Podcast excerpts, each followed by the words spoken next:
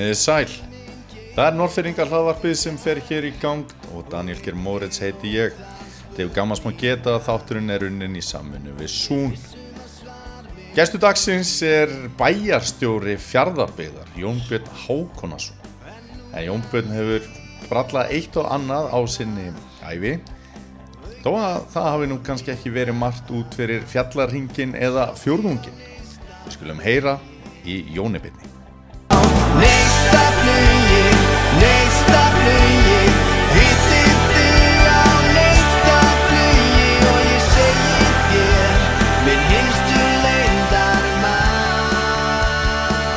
Já, blessaði Jón Björn og velkomin í Norrfyrringa hlaðvarpið.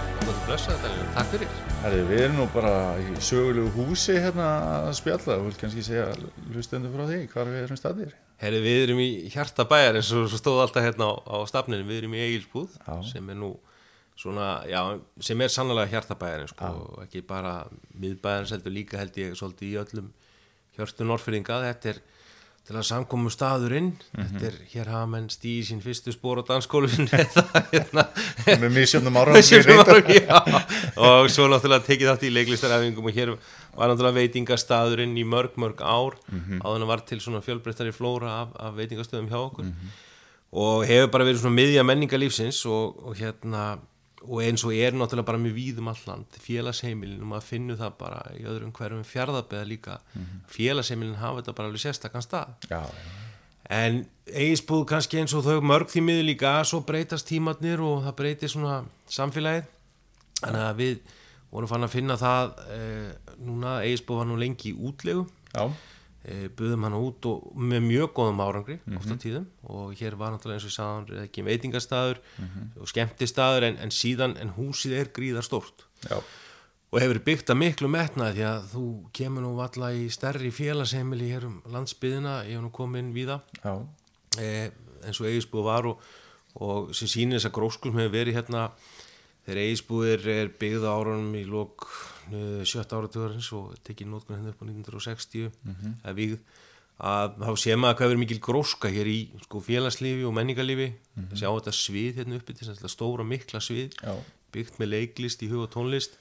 Ég hef með talað við svolítið að tónlistamönnum sem að heita, muna, alltaf, eða, muna eftir mitt sviðinu sérstaklega sko, að þetta sé svona vítt og gott og djúft svið. Já, þetta er mjög djúpt svið og, og hérna ég spurði einhvern tíman e, mér eldra og fróðara fólk um sko hvað er ráði að, að, að sveitafélag þessari stærð þá? Þá er Norrfjörður eh, eða Neskupstaður mm þá einhver rúmlega 1700 mannsörgla og svo sveitin til viðbútar en þá var þetta um sitt sko sveitafélagið og, og, og menningarlífið í sveitinni var á kirkjumel sko. Og að þá var þetta mikil grósku leiklista og leikfélagið mjög stert auðvitað Norrfjörður á þeim tíma mjög einangrar yfir vetratíman já, e, þannig að e, þannig að það er mikil svona sköpun í samfélaginu, við sjáum það bara við flettum í gegnum tímaritt frá þessum tíma og annað slíkt og, og þekkjum það bara á sögunni báðir að það er mikil hefð fyrir, fyrir svona menningarlífi. Að þá gerir það verkum að, að, að þess sviði láti taka mið af því og það er náttúrulega ótrúlega mikið styrku fyrir þetta hús. Eins og segir, með tónlistamenn og, og atbyrði sem hér eru hvað er mikið, mikið rými.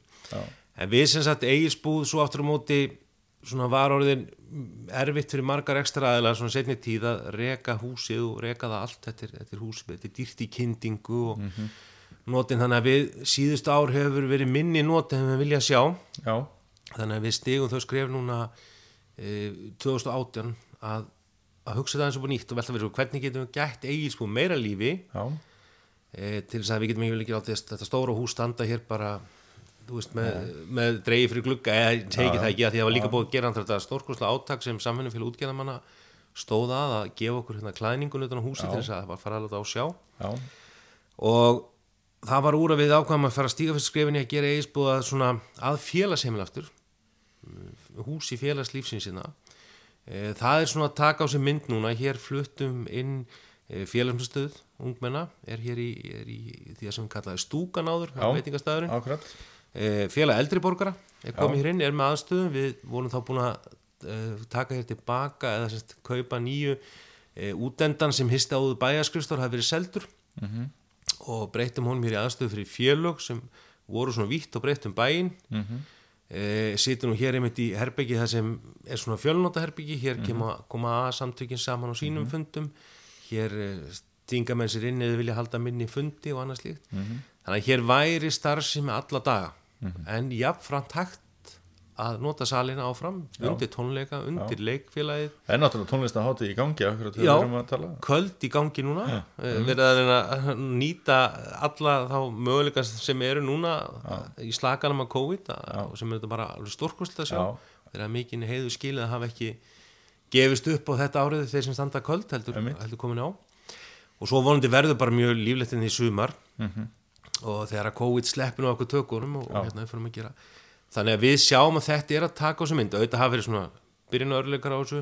Já, og við erum að horfa til þess að gangi þetta vel hér. Þá sé þetta líka sem við viljum skoða í öðrum hverjum fjárðabæðar því að félagsheimilin skipta ekki minna máli þar. Nei, nei, nei, e, valhöll og eski fyrir skrúður og mitt það reyndar eru hotlvinafjölu á bakvið sem haldi utan um það og hafa gert það bara vel. Mhm. en ég held að þetta sé svona leið það sem getur nýtt og alla daga endur eitthvað en samt líka aftur tilbúin Já, og fyrir mig náttúrulega, veist, ég vann í eiginsbúð mjög lengi Mhm. og hérna þannig að ég þekki hvert krók kemur í húsinu og ég held að sé með rosalega marga, ég, maður finnur það þegar maður kemur inn hversu miklu máli þetta hús skiptir fyrir fólk og það var alveg það voru margir sem hefur svona efasendur um þessa tilhörn okkar en ég held að menn sjá allir og þetta sé gott skref, veist, hér er komið líf Mhm. -hmm. hér er komið svona aftur og svo verði þetta til þess að mitt að við náum nú hérna fullir í sveifli í sumar, það verði dansleikir aftur og, og annað slíkt sko. En er ekki líka oft með svona e, efasemdir og annað að einhvern tíma voru einhvern tíma var eitthvað í blóma og það má sá einhver breyta að því að þá verður það ekki aftur eins og það var einhvern tíman veist, Jú, jú, þetta er svona einhvern tíma var líka sagt að brottfluttir séu verstu óvinnir byggðarlagana sko. Jú, jú, það, jú. það má ekkert breytast, það má ekki leggja einhverja götu svona því að það var ekki þannig þegar einhver átti heima þar fyrir hundra árum sko. Nei, ég, ég held að það, það, það er einmitt svona einmitt ágætt að hafa, jú, það er oft mjög erfitt að gera breytingar, að því að en þær eru óhjákvæmilega Já. og þær eru nöðsynlega Já, sérstaklega eins og þú segir með svona persónlegt hús eins og eigisbúr sko. eiga einhvern veginn allir þetta hús það eiga allir húsið og allir hafa skoðun á því og það er gott, að það sýnir öllum er ekki sama. Og það er líka þegar maður þetta, þetta verandi hér í stöðu hafa verið lengi kringum bæjarmálefni að það voru oft gerðabreiting og það eru oft umdeildar og það eru oft ekki alveg án átaka. En það sýnir mann líka að fólk er ekki sama. Æ. og það er gott bæði fyrir bæjaríðvöld og fyrir alla. En við verðum að vera óhrætt við að gera breytingar því að það er bara nöðsynnt fyrir okkur út á landi að, hérna, að þróa okkar samfélag líka og það er alveg svo segir sko, ég veit ekki meira kannski að bróttu sér okkur vestóun en það vil samt bregða við, ég sé það. Já. Uh, og kannski væri maður nákvæmlega í sömu spórunum ef maður byggja annar staðar nætti alla sína rætur hér að menn vilja svolítið haldi í myndin eins og hún var þegar hún fór. Já, en það er kannski verið svolítið erfitt þegar þú ert, þegar þú kannski fóst 16, 17, 18 ára og ert komin í miðan aldur þá óhjókanum við þurfum að þróast eins og samfélag Já, já. eins og önnur, við þurfum Heldur að þróast betur. eins og suðvestróttin þannig að ég er svona aðeins stundum sagt við mína vini sem búa annars staðar og sko gerið okkur líka hafið það í huga. Við getum ekki verið bara byggðasapp fyrir gamlar minningar sko. Nei, nei. við verðum líka bara þróast eins og öðru samfélag. Til svo okkur fjölgi og hér flytji fólk að nýju fólk kom eftir heim. Því að það er náttúrulega bara grund, grundvallar það er náttúrulega bara grundvöldinu fyrir öllu sko. já, já, og standast bara hérna samkeppni sko. já, og það er náttúrulega, og það er náttúrulega stóra málun og ég held að við höfum núna e, þetta er kannski hljómar ankanlega að segja þetta út af COVID, því að COVID er náttúrulega er, er, er svona, hefur náttúrulega reynt á okkur öll persónlega, fjáraslega á marga, hefur haft áhrif á fyrirtæki og, og fleiri, en það hefur líka kent okkur fullt af hlutum Já. og hérna hlutum sem ég held endilega breytist ekki aftur sem betur fer.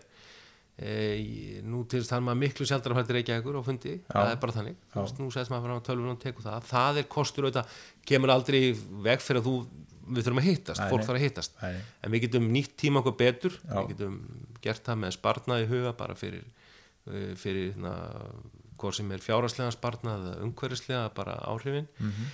svo líka það að við getum maður finnur og veit að fullt af fólki búið að finna að það, að það skiptir ekki máli hvar og býrðu hvar og vinnur. Æ, nú er bara þau tengslorðin í allt öðru formi. Þá held ég einmitt að landsbyðin út, sérst, eigi alveg óendilega mikla möguleika sem við þurfum að passa núna að grípa áfram. Já, Eh, störf á staðsetninga, þetta er oft, þetta er oft svona flott orð að henda framsæstekli í kostningum já, já, hefur nú reynst oft erfitt að framfylgja svo þeirra á reynir og því miður hefur verið hentað að, að störfin á staðsetninga sem hugsanlega einu og einn ríkistofn hefur sett upp, það eru skorin af næstæra á hagraða því að þá er einfaldast að skera eitthvað af sem er fjárst höfustöðunum en núna held ég að sé bara eh, lag til að segja, herðu störf á staðsetninga eru sko, þau eru fjárhagslega haka. Já, þau eru góð fyrir fólki þetta gerir það verkum að það er fullt fullt af fólki sem ég og þú þekkjum sem býr í Reykjavík eða býr annars á landinu, það vildi búa nær sínum heimaslóðum eða sækir önnu lífsgæði og svo Já, já. framvegs og við stöndust alveg á pari öll þessi landsbæðsveitafélög í þjónustu með skólum og annað slikt, þannig að ég held að nú sé möguleiki fyrir fólk að mynda að fara að skoða þetta koma, koma út á land, taka starfistinn með sér. E, við þurfum að klára svona og það þurfum að gera bæði sem sveitafélag og sem ríki, við þurfum að klára hér að ljóslegar að veða hvern einasta byggðakjarn á Íslandi. Mm -hmm.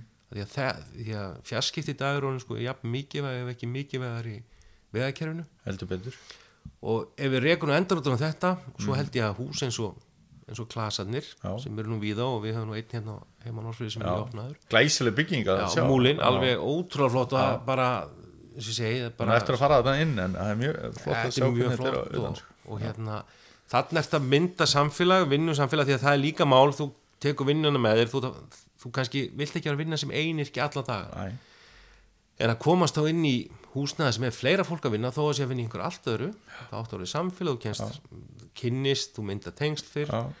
Og býður svo starfsmanna gleði? Starfsmanna gleði og svona, svo ferði að tala við annað fólk og öðrum geirum og það verður kannski til einhver nýsköpun. Já, og ég held að, að múlinni mitt og þau er að finna víða klasarnir að samvinnu húsinu sem við kjósum að kalla þetta.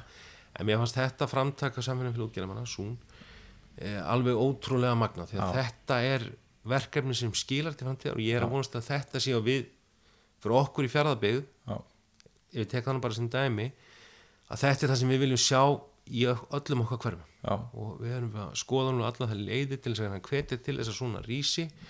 Og svo hefum við að benda ríkin líka og segja, þú veist, og ég hef nú verið að hamra svolítið á því núna þessu, þessum vetri í, í bladagreinum og, og samtölum við, við hérna ráðamenn að ef við viljum stíga mikið var skrifið byggða, byggðaþróun þá þetta eitt af því. Já. koma móts við uppbyggingu svona.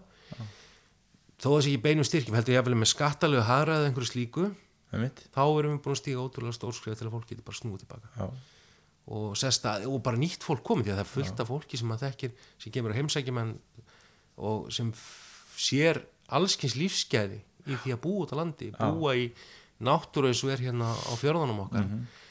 En hefur kannski séð það möguleika því að það er, það er, er í starfi sem er Já, já. en nú getur það bara tekið þetta með sér. Já. Hingað.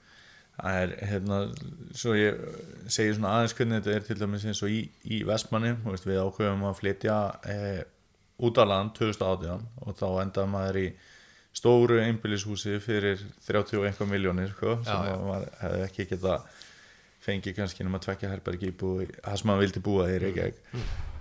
Og þau tóku saman hérna, vinahópur, þau tóku þau saman sko e, þau sem að vinna í Vestmannum hjá fyrirtækin sem er ekki Vestmannum og það voru það var svona hátt í 50 manna vinnustaður sem mm þau kölluðu það sko. þannig að tækifærin í þessu og mér var mjög gleðilegt um þetta að sjá þetta múla verkefni sko. Þetta er nákvæmlega það sem þurfti hér og, og, það, og það er ekki endilega að þetta verði nóg sko. það þarf náttúrulega að vera vakandi yfir bara öllum þessum möguleikum sko. ég held það og, og, Sún er farið að horfa á það að, að þegar maður lögði á staði verkefni að ég tengdist hérna í byrjun og, og hérna e, þá var horfðum menn á það að menn þetta keiftu gömlu nesbakkabúðina. Já, og myndum breyt, henni er bara breytt og, og látið duga. Og það kom bara mjög fljótt til og það var ekki, ekki nægilegt svo það var byggt við hana og núna standa eftir einhverju 30 fermetrar ólegðir af vinnurýmum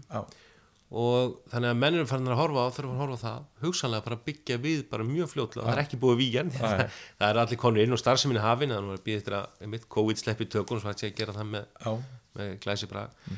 En ég held að þetta sé alveg akkur þú segir þannig, þú, eins og þið upplifið þú veist, við höfum og þó svo húsnæðisverð hækki út á landi sem er eðlilegt, þá er samt lóðaframbóð, kostnaði við lóður annars slíkt til lægri, þannig að við eigum að geta jafna þá þennan aðstöðumun sem er. Já.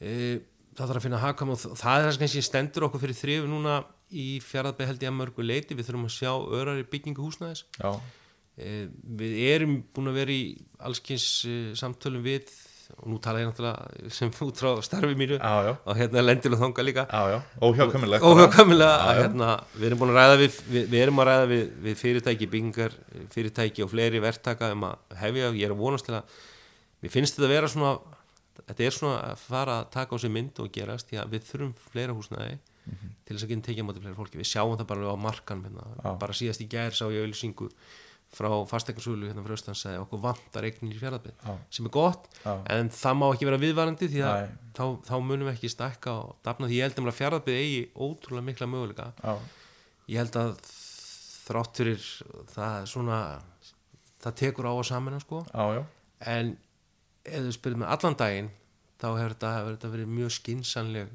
skref Já. og við eigum mikla möguleika sem þetta samfélag Mhm.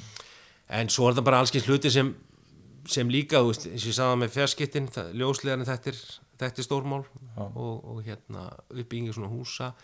Við þurfum líka náttúrulega og annað sem ég vera sem svona gerir mann argan sko Já. fyrir hönd landsbyðarna þegar maður horfir svo úttekt eitthvað sem maður er búin að sjá ár eftir ár. Þessi húsitunarkostnaðurinn, hvað hann er hár hjá Já, var hann okkur. bara frétt núna í gæri eða ekki? Jú, frétt og höstu frétt. Hann er hæstu hér í Neskustad hann er hár í Víki Mýrdal. Þetta er eitthvað sem er sko úst, við fullt að sveita fyrir marg búin að, er- erum búin að standa í svo arga þrasi núna í mörg ár við, við stjórnvöld. Og þetta hafa verið stíðin skref í þessu. Þetta er svo lítið mál. Það er svo lítið mál jafna þetta í raun og veru. Það kostar peninga, jú sannlega það kostar, ég veit ekki 1,24 ég er ekki alveg með hreinu, það svolítið langt sem við letum taka það út. Já, að bara jafna húsitunar kostar landinu öllu. Já, og þetta er bara stór mál fyrir fólk þegar velja sér búsitu og við tökum arður orkufyrirtækjum okkar sem eru í, í opinbyrri eigu. Mhm. þær er þau borga arð til ríkisús hverju ári. Mikla peningur svo einmitt. Þessi peningar eru til? Þessi peningar til. Taka þeim ef þetta nú einn- 1,5 miljardur sem, jú það er sannlega mikið en, en ef við horfum á bara á heldina og horfum á bara heldræðinu áhrifina því að jafna þetta Já, þá er þetta bara, þetta er eitthvað sem er hægt að klára fyrir háti við alþingi sko. Ég held að sé engin flokkur á alþingi á móti þessu. Nei, ég veit ekki hvort að þetta er tregða í kerfin eða bara svona einhverju heildar nei, nei súpan sé eitthvað erfið sko en, en það er þetta klárat fyrir háti alþingi segir bara frá og með fyrsta júni þá borga allir sem húsituna kostna á landinu já, já. það væri náttúrulega virkilega gott en það eru náttúrulega alltaf sjónum með að að hérna, fólk þurfti að borga meira fyrir lóðurna sínar heldur en fólki hér og hverju á Allt það þetta. þá að borga jafn mikið fyrir húsitun að þetta er svona þetta er alltaf þessi, þetta, tri, þetta trikk í já, mál sko. já, já. en það væri náttúrulega langt best ef við myndum bara ráða þessu sko. já, það, það verður langbæst, við, get- við getum klárað þetta bara núna. Fyrir konur heim sko. Fyrir, fyrir kaffi. En hérna ég, ég ætla að draga aðeins línu í umræðinni og, en ég held að við eftir að enda aftur á þessum slóðum í, í lók þáttar uh, og fara þá bara að spóla aðeins tilbaka og lítill Jónbjörn hvenar ferð þú að hérna, muna eftir sjálfuðar í, í fyrðinu? Sko ég ég held að svona þetta er, ég stundum, já, stundum velti þess að þetta fyndi, sko, ég velti þess að þetta fyrir mig hvernig mann fyrst eftir mig, Já, því ég á sko vini og ættingja sem vilja hygglust telja sér mun eftir sér tveggjára sko. Já. ég held að það sé nú bara ekki lífsins möguleiki. Stundum á ég eruleika með mun hvað ég gerði í gær. Því ég reyna að rifja upp hvað gerði ég alla þessa viku í vinnunni því einmitt, einmitt. en ég held svona fjögra svona fjögra ára mann ég mjög vel eftir mér hérna inn í sveit. Ég er þetta fættur uppalinn hérna á Norrfyrði fættist og, út á sjúkurósi, fjóra sjúkurósinu undan með sjúkurósinu heitir í dag. Og uh, en er þetta fættur uppalinn í Erum bæ Já, og ég man eftir mér svona já, svona fjögur ára í fjárhúsunum já, pappa hérna og mömmu. Þau voru náttúrulega bændur innfrá voru þá með söðfjö ég fætti 73, það endi 77 þau voru með söðfjö söðfjöbúskap eh, fram undir 8-10 þá var semst ríðan eh, svo erfið ok. Og hún stakk sér nú misjaflega niður á bæjum og, og þá ágaðu að venda sinni hvaði kross, það er áður en að hefsta sinni ríðu niðurskurðu svo sem var skipilaður hætta með söðfjö og fara í kýr og það er byggt upp aftur heima.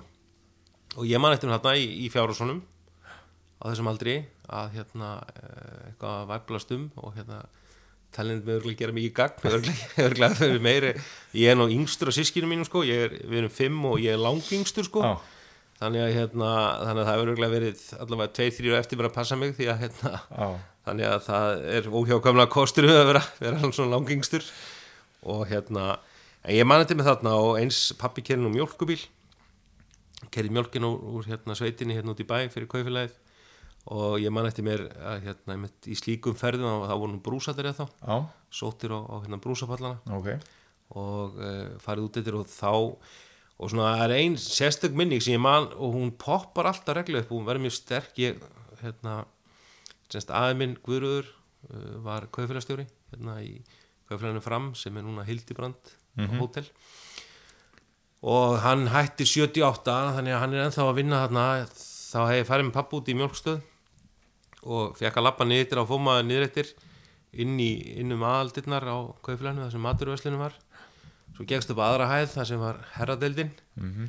þar fóst inn á lagerana og þá gegstu til hægri og þá kom, eftir lagerunum voru lagerinn var svolítið langur og það voru herbeggi og svo komst inn á skrifstofgangin og hérna og þar var semst aðeins með skrifstofu og síðan var e, skrifstofu fyrir framhæðan sem voru semst þeir sem voru að vinna í bókaldinu og voru með umbúð tryggingan og fleira og ég fór að hitti hann og fór í svona túr með afa um kaufélagið það sem hann Já. fór um deildirnar. Og við fórum inn í hérna inn í hérna það sem núna er súmbúðin, þar var heimilistelt kaufélagsins og upp á lofti það sem síldavinskristandar eru núna, þar var byggingur delt kaufélagsins Já, og hérna á þessum tíma og ég man eftir að fara með honum um og ég man ég ákynntist mjög eitthvað leikfang hérna sem var hérna í heimilstildinni ég man þess að man hvernig leikfang það var sko. Ok. og hérna hvernig leikum við bara? það var hérna svona þetta voru svona tindótar Já, ok. og hérna þetta voru svona bílar, herbílar sem voru með. En afi hafði nú örgulega fengið einhverjum skýr fyrir maður þetta ekki alltaf verið að gefa mannum eitthvað. Þannig að hann gaf ekki eftir í þetta skipti.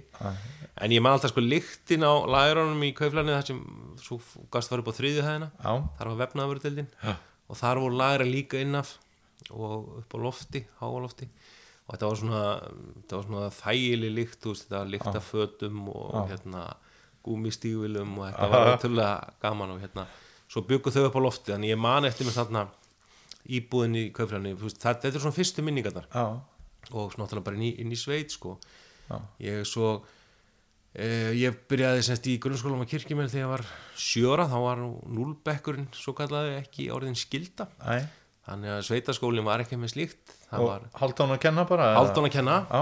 og kendi manni bara allar greinar Já. og það, það var okkur samkend Já, Vist, við ok. vorum, ég var til bara einn í bekk í Norðsvæðsveit Já, og síðan voru í næst þeir sem voru ári yngri en ég þar voru tveir í bekk og hérna þetta var þannig að okkur var samkent það var þetta kent á þessum tíma sem barnaskólin Mhm. var kentur inn í, inn í sveit og síðan fór maður út í gagfræðaskóla þegar maður kom í það sem nú kallast áttundi bekkur einmitt. sjöndi bekkur þá fór maður maður út í bæ Já, og fór upp í verkvæntaskóla en þarna en það var og maður labbaði sérst í skólan á mótnana frá Ermi bæ og innettir já. Var á teppin sko, Jón Þór Ónstöðum var að keira þá sínum krökkum og greip hann með og hérna. Þannig að þetta voru svona, þetta er minningarnar innan og svona til að bara ólst ég upp við við þetta, veist, við þetta unnum heima og ég vann heima þetta bara alveg þangað til ég var 18 ára semst á sumrin líka, bara í sveitistörum þá fór ég fyrst skipti e, svona, hafði nú unnið um, um jól í kaufilennu og var fann að vinna í eigilsbúð sem hérna, í eldhúsinu en ég var 18 ára og fór svo, var svo þjótt ég var 18 ára þjótt og dýraverður var svona hálfgett húsgagn hérna í eigilsbúð með ég var að klára mentaskólan Já, vann hér á kvöldinu um helgar. En, en þegar hérna að því að e, það er líka gerð breyting svona cirka 97 að sveitakrakkarnir fara út eftir í skóla.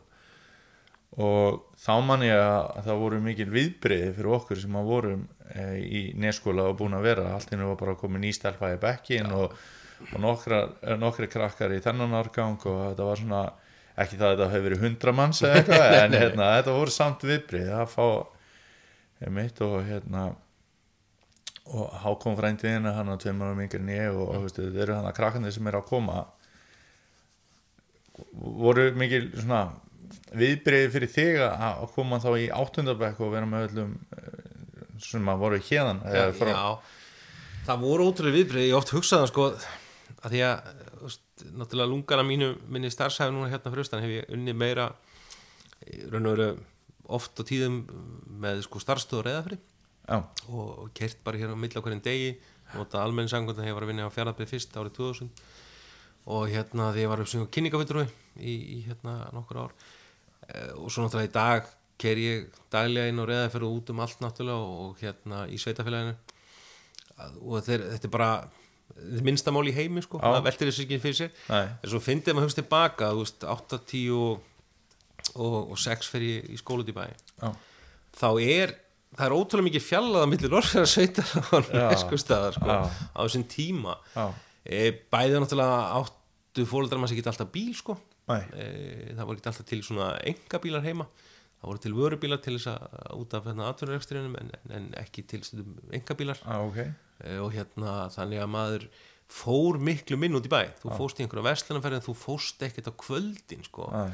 e, hér út eftir. Og hérna þetta er mjög, mjög skondið að mér finnst ég vera mjög ungur sjáðu til. Já, mér finnst þetta alveg ótrúlega surrealist þetta sé svona mikil fjalla. Já, en fyrir okkur, við höfum þetta farið sko, við fengum svona oftast náðu nú Norrfjörðar hreppur og neðskustæða samningum um uh, þá síndi maður nöðsinn þess að samin að sveitafélag að þetta var Norrfjörðar hreppur þetta sé sveitafélag til 94 já, og uh, þá saminast er neðskustæð en fram að því þurftum enda að semjum eins og sundnámskeið.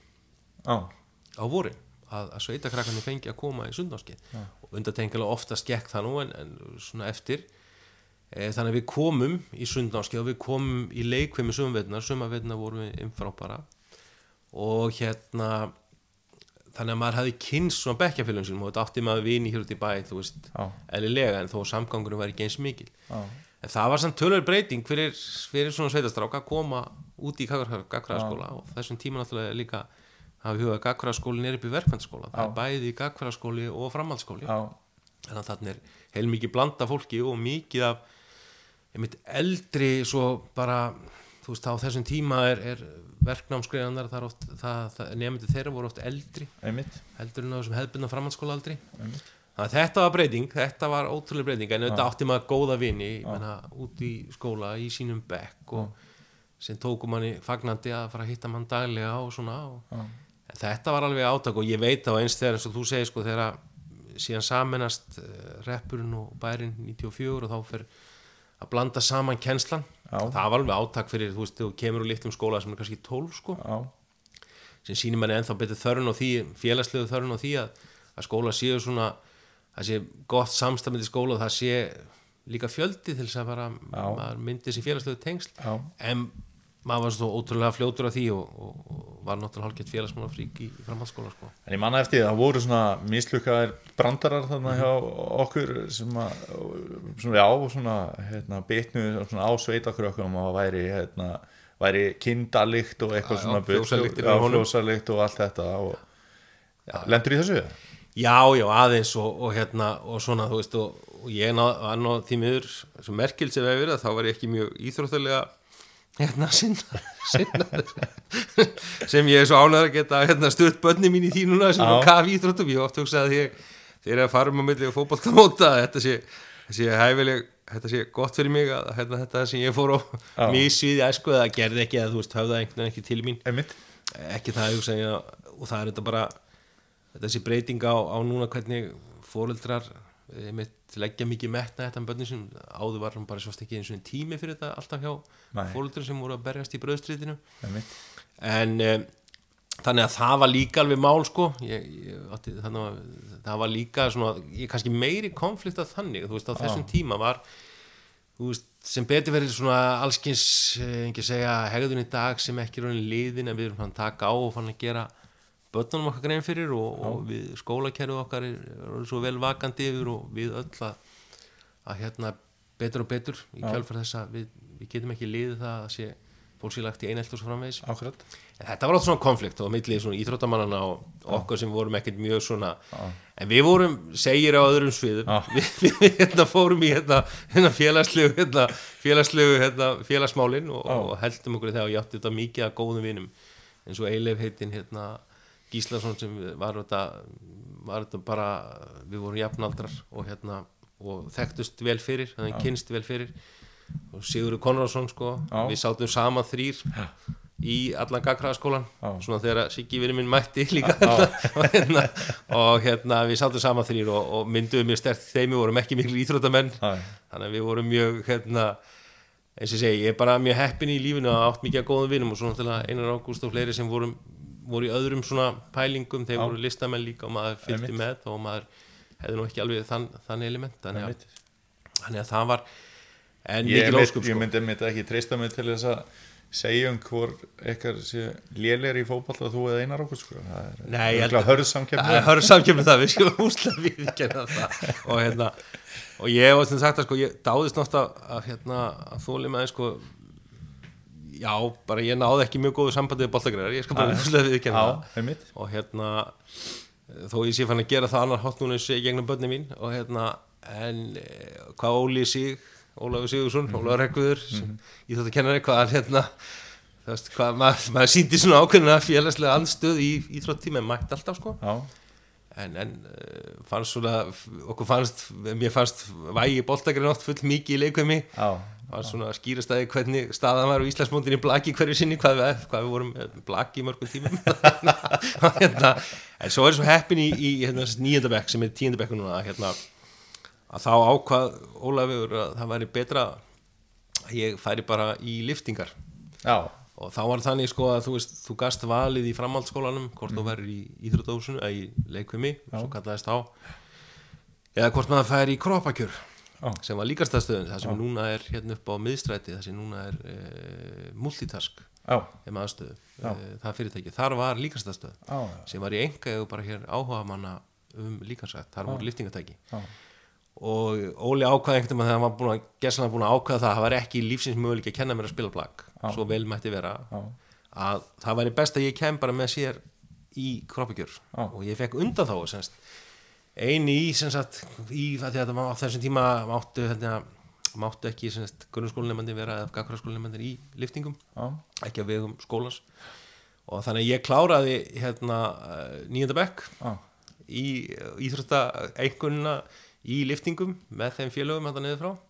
Og það er hæsta íþrótta einhver sem ég fengið. Já. það hérna, ég fekk alveg nýju þá minni mig sem hérna, þótti til, til að mikil framför frá fyrri hérna, fyrri hérna, fyrir einhvernum einhvernum í þessum, þessum greinum. En Þetta er nú kannski svolítið svona brautriðanda hugsun að því að nú er íþrótta íþróttalífi í skólum, ég meina það er mjög fjölbreytt hvað krakkar með oft gera til þess að sinna þessar íþróttaskildu sinni. Þannig að þetta vel gert hjá hann Þetta var vel gert hjá hugsa, honum. hugsa út fyrir bóksi þetta er nákvæmlega máli sko, það þurfa ekki allir að vera í því sama og reyfingin er náttúrulega mik mikilvæg sko. það er ótrúlega mikið og ég man alltaf þegar ég mætti íþróttíma ég var ég búin að vera með einhverja félagslega anstöði síðasta tíma yfir þessu Já. yfir hérna, það var blag og hérna og sagði, nei, Jónbjörn, þú, nei, ég nenni þessu ekki lengur, þú ert að koma með mér hérna.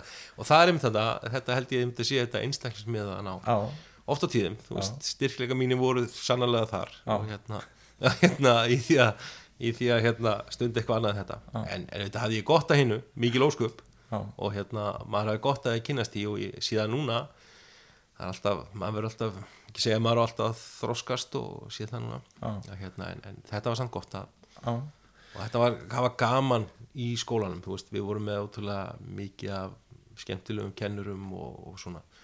Og svo þetta held ég áfram í verkmyndaskólanum og kláraði með stúdenspróf þar. Já.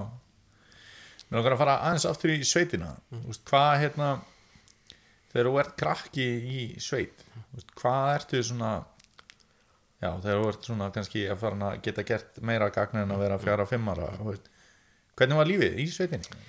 Það var ósköp, ósköp gott sko það, og maður sér það alltaf betur og betur maður var kannski alltaf alveg óskaplega inspíraði fyrir öllum þeim verkum sem maður hafa fallið að gera þeim tíma en svo sömurinn sko við þetta, e, á sömurinn kom oft e, krakkar heim í sveit og, og hérna skildmenni og, og annað slíkt og, og voru og ég átti það var til minns e, hjá okkur var í sveit náttúrulega frendi minn í já í tíu ár sko kom hverju sumri. E, nálat mér í aldri tveimur á mingri og hérna sannig að við það voru þetta mikil tengst og er ennþá mikil tengst með okkar. Já, það er hálfgett svona uppeldis samband eins og er í og en við vorum með það, það skildur á sumrin að maður fóð með kýtnar veist, við þurfum ekki að vakna í morgum hjálpnar en við fórum með kýtnar í, og sem sagt stækkuðum fyrir þær svo það fengju stækkuð ramaskeringarnar þeim þeim er beitt skipulega svo fór maður á þreifjósið og svo voru þetta bara allskins þú veist á vorin voru þetta gyrðingavinnan og, og svo maður var þetta einstaklega hefnum maður hefði fljótt að fara að keira sko og vinna á vélum. Já,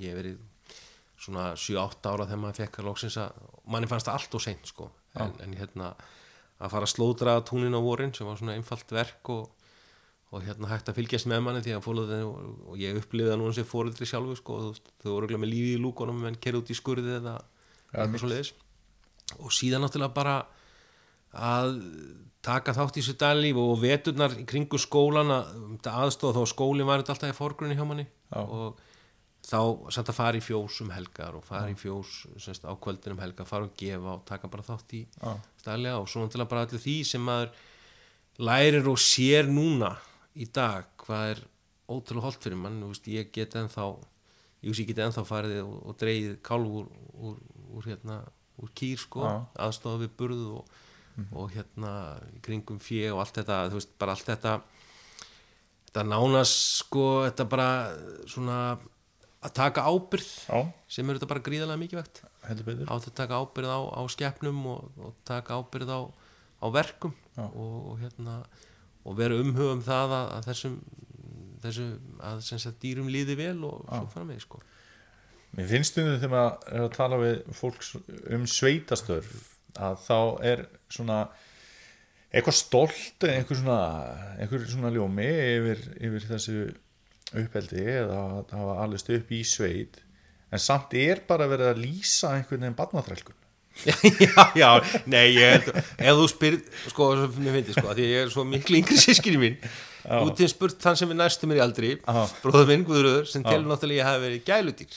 Ég hafi þetta alls ekki verið nýtt þessi skildi og ég hef nú orð móðu minna fyrir því dag og svona pappa með hann lifði sko að hann hafði nú ekki, ekki þrælkan eitt síðan en við vorum áttið bera ábyrð og taka þátt en þú veist, neini, það var engi þrælkan maður hafði óskaplega gott þessu, einmitt. hérna, og ég, ég, og ég sko þetta verður mér í, á vorin til þess ennþá, nú ég vorum 48 ára. Og þetta búskapin okkur langt síðan hættin ég erum bæði þessum skilningi með eitthvað fjö ja, bara fyrir sig en, en hérna en, en svona ég finn það því það voru kemur að þú veist mér langar, þá er ég svolítið eins og maðurinn í Dalí sko, mér langar bara út í sveit sko. Mér langar að fara að plæja tún sko, það er og dreifa skít og allt þetta sko. þetta, er, þetta er óskaplega gaman og, og hérna og að vera að vinna á vorin þú veist, þegar allt fór í gang og með voru að vinna lengi fram á kvöld á svona öll vorkvöld voru voru óskaplega fallega í minningunni sko þau voru örugglega oft eins og núna í dag sko svona snjókoma Já, í mæ já. að hérna líka. Já, já. en þú veist þetta var samt einhvern veginn þetta er bara eitthvað sem var elst upp við eins og bara þeir sem alast upp við það að farið á sjóungir e, þú veist þetta er bara þetta uppeldi móta mann að þessu leiti einmitt. Og manni langar og, veist, og ég finn vorlikt sko. Og þá einhvers stað að kvikla svona einhver löngun til að fara mikið verð nú gaman að vera en þetta dugir mér ekki sko, það er ekki það ég sé með græna fingur því garð heima það er ekki nóg ég þarf að drátta vel við það. Já, já, og, hérna, og helst stórum pló sko. en ég held þetta og þetta var svona, þú veist, og bara umgengni við, við sko skeppnur, þú veist, þetta skeppnuhald og hérna og umhyrðan á þeim, þú veist. Ég finn það núna oft manni fannst það örglega sko þegar ég var úlingur og hérna þau voru uh, með búskapin og svo um jól oft þá þegar var hann sko þálpað þá fór maður alltaf fjósuð á mótnana sko. Sem var þetta alveg, örglega alveg algjör áþjón sko, var að fara að fæta þessum sjö, sjö og fara upp yfir en sko núna þegar þú hugsaði tilbaka þegar þú opnaðir sko og labbaðir á köldum vetratöðum upp fjós sko svo opnaðir inn í fjósið og hérna það var svo mikill hiti því að kýr leysar út svo mikill hita. Og gegst inn í hitan og þú, það lágu kannski allar sko og voru jórtra og róin sem var sko. Ég gef oft heilmikið fyrir þess að ró í dag í vinnunum sem ég er í sko. Já. þetta var svona, þetta er einhvern veginn svona þetta er bara svona minning sem sko lífur en það sé mikla ró og svona svo hófust sko störfin. Já, þetta var rosalega gott fyrir sáluna og ég, ég skil vel bændur og ég skil vel því að nú er ekki einfalt að vera bóndu í Íslandi sko. Næ e, margir er að búa náttúrulega alls ekki við nægilega góð starfskjör og það er eitthvað sem við þurfum að laga og ég er að vonast til að séu nýjum skref stíðin í því núna eins og með heimaslátur og fleira sem gera verkum að til þeir sem eru í söðfíð geti haft að því eðlilegar tekjur þetta er okkur nöðsnugur en ég skil vel sko þetta að, að hérna þetta er, þetta er það, í þessu starfi eru fólkin ímis ímis svona ekki að segja það er ímis, ímis svona dýrmætt í þessu starfi en þetta er náttúrulega að hafa því eðlilega tekjur til þess að geta stuð, að staðið að því Já. Mjög að það- gott, mjög gott. Úrlingurinn, hvernig, Það var nú svona frekar rólegur sko, held ég eða spyrir mömmu, mjög rólegur og hérna, en það var nú þegar hann hafi náttúrulega ekki það góðar góðar einsla hinnum fjórum, nei það hérna, hérna, nei, hérna ég var nú frekar, sko, ég svo segi, sko, þegar að þó maður væri hérna í, í skólanum út í bæ, þá var náttúrulega ennþá þetta þannig að, að maður var minna að fara á milli, maður fór í félagsmyndstöðun samt. Já, sérstaklega síðasta viturum í Gakara skóla þá vorum við Ástáður Draupninsson gerður að dýravörðum í félagsmyndstöðun og diskotíkum og er ekki vissum að þetta veri þætti til, þætti til held í dag. Það var, það var svona átak. Við vorum búið að böla brasun í kringum félagsmyndstöðuna. Sull, já, það búið svolítið sull og, og svona þetta ekki sem var ekki talið ákjónsanda bæjar í völdum og, og hérna og Ella í dagsbrunum sem var þá fórstöðumæður, hún tók við félagsmynduðinu og vildi svona haga henni sem mestan og til þess að við og þetta var ekki, ekki að krakkandi sem voru félagsmynduðinu heldur, þú veist, þá eldri sem voru þá sækin og svona, þannig að við ástaldi vorum gerað dýravörn, og hvernig var ég það? þá 16 ára og hann þá 15 og hérna, ég er ekki viss með þetta myndi líðast í dag Nei. þetta, við, við tókum hlutverkum mjög alvarlega Já. við, hérna, það, það er engin vitleisa inn, inn og það var engin drikja þannig að við flegðum mönnum alveg viss við þar út þeir hérna síndi eitthvað slítið þessir og náðum bara félagsbyrðin í gott lag meðlu. Hva, hvar var hún þá til húsa? Hún var þá til hús upp í verkmannskóla Já, var það, já. hún var þar, Einmitt. gengin um gamla ingangin til þá sem til þekkja sem, og, og hérna var inn í, inn í sal og hérna og þetta var rosa gaman. Þetta var, var rosa mikið líf í félagsmyndstöðinni og við tókum þetta mjög alvarlega. Öll, allir hérna allir þessir krakkar sem voru á þessum aldri að, að vildum halda félagsmyndstöðin okkar. Já, og hérna og, og þeir sem eldri væru og korðin framhaldsskóla hefði ekkert eritið þangað. Að hérna vera, vera að koma og hérna áfasta skuldan diskotekin væri.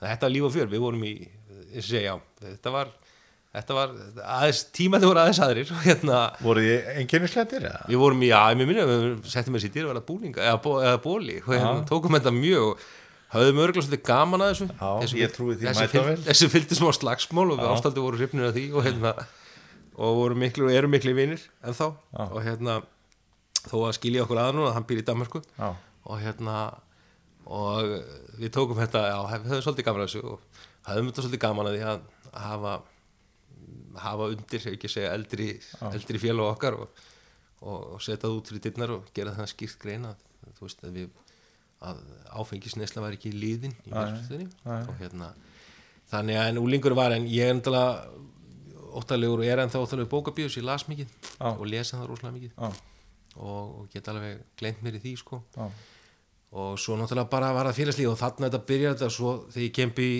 verkmyndaskóla þá hérna þá var ég formaður nefndarásins í fyrstu tvö ári mín. Já, og var þar mitt um, við einar águst fylgdu staðið því vorum saman í, þar í stjórn og með fleiri góða fólki og, hérna, og síðan hérna og var heilmikið félagslíf í kringum það. Það þá var þannig sko að nefndafélag hafði nú ekki úr miklum fjárumennum að spila frá að með þetta skapa mikið sjálfur. Já. Við heldum hér Þorrablót Já. það var haldin ásáttíð líka Ok. eftir áramót fyrst alltaf Þorrablót og síðan ásáttíðin og síðan hérna mann ég skemmtanir. Við fórum í, í hérna, við vorum brauðröðundur í í því að fara á Östu skólumpí eða Östu skólumpíleikandur eru til. Já, íþrótt að kemur framhaldsskóluna já.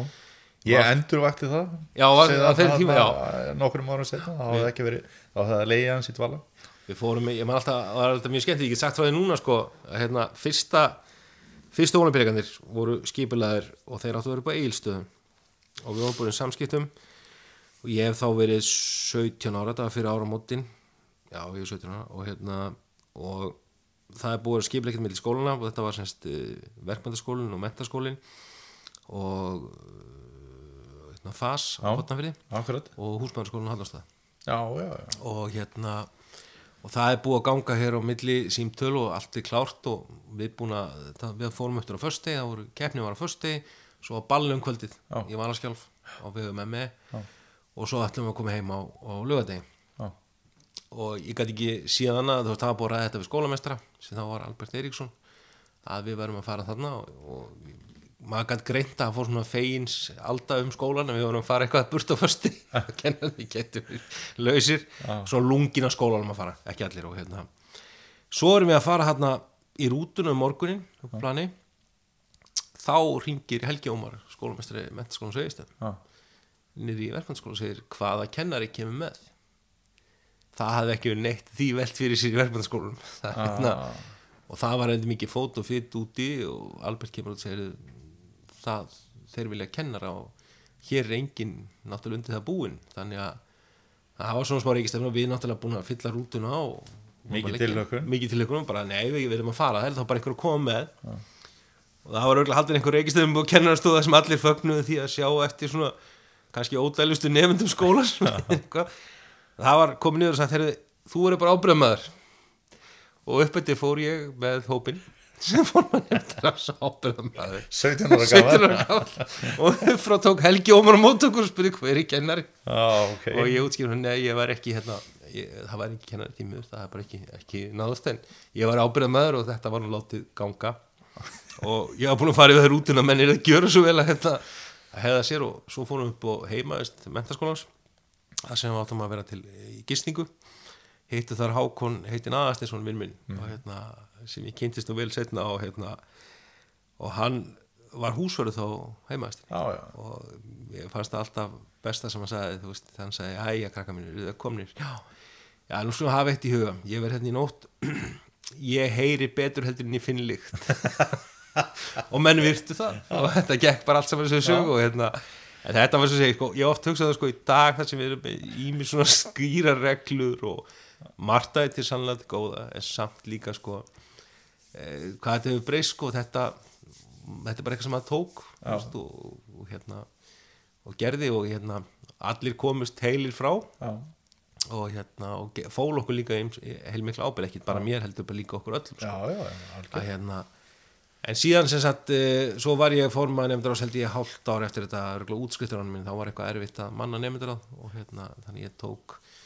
tók að mér að, að hérna, leiða það í hálft ár og, og meðan var svona var alveg nýja kynslu af, Já, af nefndarsmönnum mér skilst á, ég sé það einhvern veginn ég fann stúdinsprófum mitt einhvern veginn eða einhvern mínar einhvern veginn að taka til fyrir svolítið síðan þá sé ég, ég var tölvöld með me- betri árangur hann að setni tvö árin í framhaldsskóla heldur en fyrir tvö. Já, enda eina viðkjöringi sem ég fekk útskriftinu var fyrir störfa félagsmálum. Já.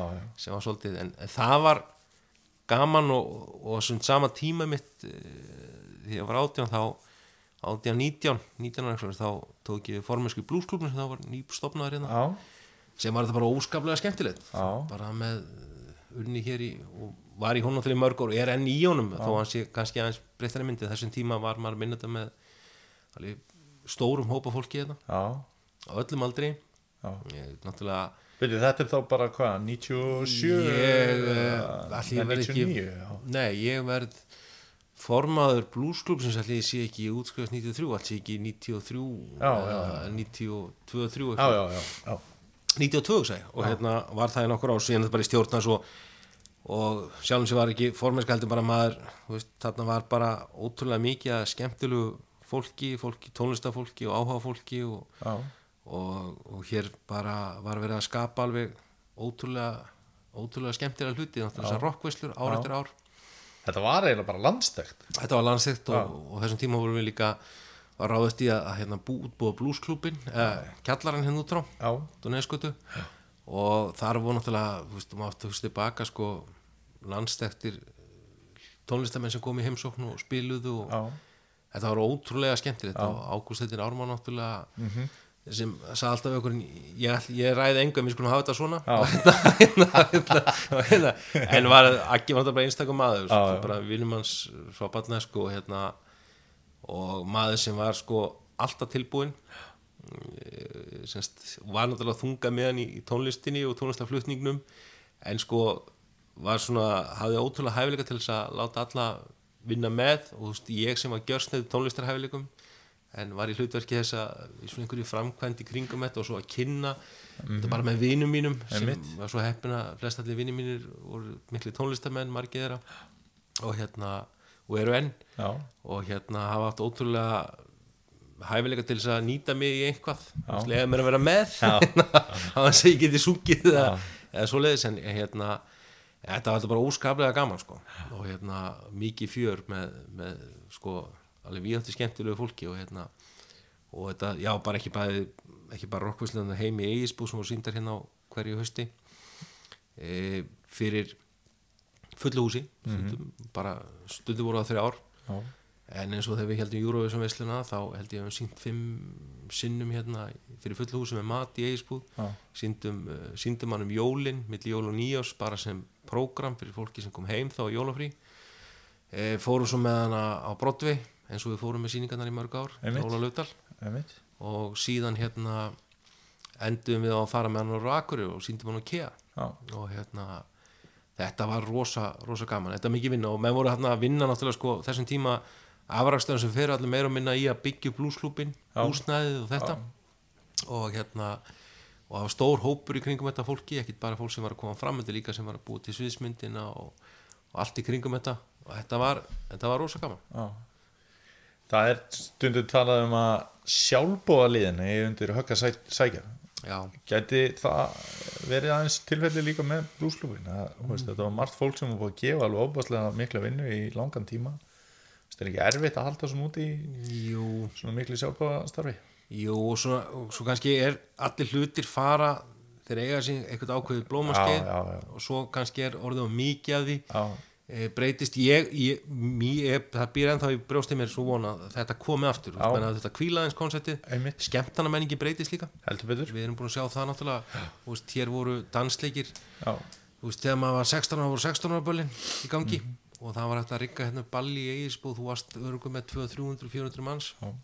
sem Já, sem ég meina að það voru nokkri bátar inni það var bara talið í og, Talið í og já, ekkert vesen, sko. sko, og síðan verða þessi dansleikin sko sé maður hvernig dansleikja haldi hefur verið undanhaldi barmenningi tekur einhvern veginn við. Já, og því COVID er heimamenningin. Já, en ég held samt kom út úr COVID og kannski hefur líka aðeins uh, það hefur kannski gert það verkum við svona aðeins veltum fyrir okkur og við, og við þurfum að vera dúlega ég sjálfur þar með talið að sækja allir þessa list og menningaviðbyrði sem við erum að fá. Uh, og það er bara markmið þess á sem þetta bæta sig í þeim efnum þegar það fyrir á stað aftur en ég held samt sko þetta muni koma aftur í sko sjálfbúðlegin á jú, veist, okkur hætti til að uh, við verleikjum gríðarlega mikið á alla okkar vinnu. Já, og hérna og það hefur kannski aukist meira í senn tíð en um, menn með ekki misfyrir það samt sko og, og þetta kannski líka kemur að því að fólk uh, lífskjara baráttan er erfið og, og hún og við viljum margt og þurfum mikið á okkur að leggja til þess að geta veitt okkur það sko. Já, en samt að hafa í huga að þetta uh, ég fer ekki tóna því og enn þannig dag er ég fullt af sjálfbúðlega störum annar hátt inn í pólitík og, og eins og í mínum flokki og annað slíkt sko. eh, þetta gefur manni gríðlega mikið bara að þú veist, ég held að maður fólk við erum aðeins að rifja það bara upp fyrir okkur aftur. Já, að samskiptin eh, skapa eitthvað með öðru fólki Já. þó að maður fá ekki eitthvað fyrir það en það sem maður getur gefið samfélaginu sin líka.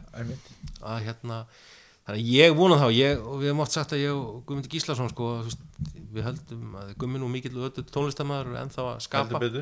Og hérna á fullu og, og við, við ég er svona treyst í að það, það er möguleiki held ég á einmitt svona aftur þú veist, Já. stundum hluti, bara smá kvild já, þannig ég held að þetta komi, koma nýju.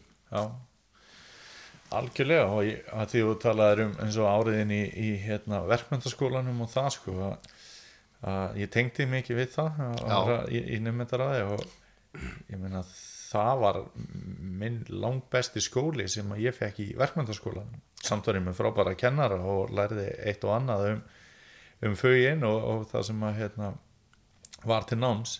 En þetta vera með ábyrða fjárráðum, vera að skipulegja dansleiki og allt þetta, halda út í félagslífi og, og funda og plana og, og þurfa að leysa einhver mál sem koma upp hjá nefndum eða hvernig það verið að taka þátt í því. Það kendi manni miklu, miklu meira heldur nokkur fag. Já, ég held að sko og það er einmitt það, þú veist, það var eitt af því sem maður vilt horfa á þegar að framhaldsskólum var stýttunni í þrjú ár. Að hérna, að þeir fyrir var náttúrulega, mann er kannski kannski að það sem mér fannst svona kannski gaggrið fyrir var þannig að í fjölbutakerfið þá gastu vel útskrifast á þreymur árum. Eða varst, hafið þann metnað og, og, og slíkt. Félagslega færni sem getur myndast í framhaldsskólum er gríðalega mikið var skóli fyrir fólk. Og, hérna, og bara tengstanett og Já. allt þetta eins og þú segir og, þetta tengjum við báði við að hafa verið í, í þessu að það, og gerða verkum að hjælt svo varð virkur á fleiri stöðum maður var í björgunsveitinu, í stjórnar og, og hingað og þangað í félagsamtökum í brúsklubum og þetta vegna þess að þetta gamman er ekkit síður og er ekkit, er ekkit síður mikið var skóli sko, á þess að nokkurn hátt að tala niður mentun sko. algjörlega, algjörlega þetta er líka bara svolítið þannig að hérna, þetta snýst nú allt á endanum um sko, samskipti sko. Eiginlega öll vinna snýst um samskipti að maður bara geta haft samskipti við annað fólk á, á svona góðum grunni sko. Það er margt sem að hérna, hefur þessi þryggjára mentaskóla ganga hefur haft í för með sér. Að er, til dæmis úrlingar eiga miklu erfiðra með að vinna með mentaskóla ég held að það sé gott ef að það er hægt að blanda því einhvern veginn saman. Þó að margir hafa öruglega lagt aðeins svo mikið í síðan vinnuna og skóladrömmarna farið í vaskin en, en svo er það líka að tekin hérna að því vorum að tala um hann að tekin hérna skýsla um stöðu kvennarknarsmynd á Íslandi. Já. Og það er mikið brottfall hjá stúlkum úr fótbolta eftir að skólum að stýttur í þrjú ár. Já, sem er mikið Já, sem er bara mjög vonda því að það segir mann eiginlega að, að, að ungmenni geta ekki gert svona það sem að þau langar. Þeir eru einhverjum fjötrum sem að þurfu ekki að vera. Þetta er bara einhver pólitísk ákvörðin sem er ekki alveg nógu góð. Nei, og okkur Nei, ég held að okkur hafa ekkit sko okkur skorti þetta ekki sem samfélagi sko að, að hérna flýta þessari mentagöngu nei, nei, nei. meira sko Nei, nei. Þú veist, ég held að það hafi verið eitthvað ímest annað sem okkur skorti sko. Já. ef við þá ekki bara að fara í spurninguna hvenær þú byrjar að hafa áhuga á stjórnmálinu Já, pólitík Já, pólitík ég, ég held sko ég held ég hef verið 16 ára sko. ég, hérna það sem ég eh, 16, jú, 16 þá þá kem ég hérna 16, að 15, 16 þá eru kostningar og hérna uh, hérna út í bæ og við komum út í ég kom út í mamma og pappa á kostningavöku eitthvað svo leiðis og, og það er sko, við vorum það var heilmikið pólitísk umræða heima sko, þó hún var ekkit endilega þú veist, öll á einhverjum flokksbasis sko, þó verið framsóknlokkunum verið náttúrulega, maður framsóknlokkunum heldur. E, pappi sagði alltaf sko við erum fyrst og fremst við erum félagsíkjumenn Já, félagsíkjufólk og síðan erum við framsóknumenn sko. Já, hann taldi að þetta fara saman í þessum flokki sko. Já, og ef þetta fær ekki saman í flokknum þá veitum mann eitthvað að hugsa málið. Já. og ég er alveg sammála því. Og hérna þannig að þar byrjar þetta eiginlega. Svo gafan aðeins sko út í verkmyndaskóla þegar maður var bæði, já í framhaldsskólanum sko þá var mikil pólitísk umræða. Þá er ég ekki að tala um það var ekki verið að reyna þröngunin upp á menn ég vil taka fram. Nei. en þú, það var þetta heilmikið skemmtilegum kennurum sem hefðu náttúrulega voru í, í pólitík sjálfur og þú gast átt við á samtöl sko. Og þeir tóku þau samtöl þú veist, þú var ekkert sammálaðum sko, það var alveg ekkert verra sko. Nei. og hérna og þannig að þannig að eldur með manni áhugan áðins og ég teka fram áðins að vera tróðin upp á sig tróðin upp með, ég var aldrei var við það í verkmyndaskólan þó með meildunastum alltaf því líka, það var ekki, ekki slíkt heldur var það bara nöðsynlegt og gott fyrir okkur sem, sem ungmenn að fara að velta sig fyrir okkur. Já, og svo náttúrulega þegar þú ert svona ef maður hefur brenda á félagsmálum þá er það held ég ennþá kannski skýrari leið að þú ferð að hafa áhuga á þessum þjóðfélagsmálum líka. Já, og þannig byrja ég eiginlega og, og fljótlegt að það fer ég svona blandast bara 18 ára gamall held ég komin í stjórn með mitt framsökufélags hérna á Norrfyrði á þeim tíma. Já. og síðan e, fer ég að teki sæti nefnd, ég tek sæti nefnd á þeim sveitalins á kjörtimbylunu 94-98 Já. sem varamæður já, í fræðstunend og mjög fljótlega ég bara man ekki hvort það var árinu 95 eða eitthvað það líti, en ég var þegar í háskóla þá en einhvern tíma þarna, ég kem svo heim eftir, eftir ástöðli í háskóla og var eitthvað að hugsa málið, er ennþá að hugsa málið og hérna, Hvað hérna, og hvað fórst að gera þá þetta ár í háskóla? Hvað ég var í sakfræði Á sakfræði, já. ákvaða hérna, að, hérna prófa það og hafði gaman af og hérna fór svo að hugsa málið, ég er ennþá að hugsa þess málið Já, hérna, já. og en svo þá sest ég inn sem aðalmaður fræðslu nefnd og síðan þá hef ég setið í nefndum á vegum sveitalegsins bara nokkuð óslítið eh, og hef setið í og stýrt um öllunum að barnavættanemnd á einhverjum tímapunkti. Og hérna sem hefur verið ótrúlega góðu skóli. E, það hefur umdala verið mikið vinna á að koma sér inn í málflokkana en gerir mann liðið eitthvað kleift eða gerir manni insýn í alveg ótrúlega marga málflokka já, og þannig að þú veist einhvern veginn varð þú þetta bara svo hluti af mín lífi veist ég hérna oft veldi fyrir mig sko þó ég sé ekki eldri en ég er ég er alltaf reyna að hamra á þessu mér finnst það átrúlega fullett hvað tíminn líður hratt og hérna og heldist að að samt sko ennþá hef ég alveg óendalega brennandi áhuga fyrir þessu þú, veist, þú ert ekki í stjórnmálum út af, út af hérna, peningum eða völdum sko. Mm allavega ég held að þessi flesti séu nú þar sko.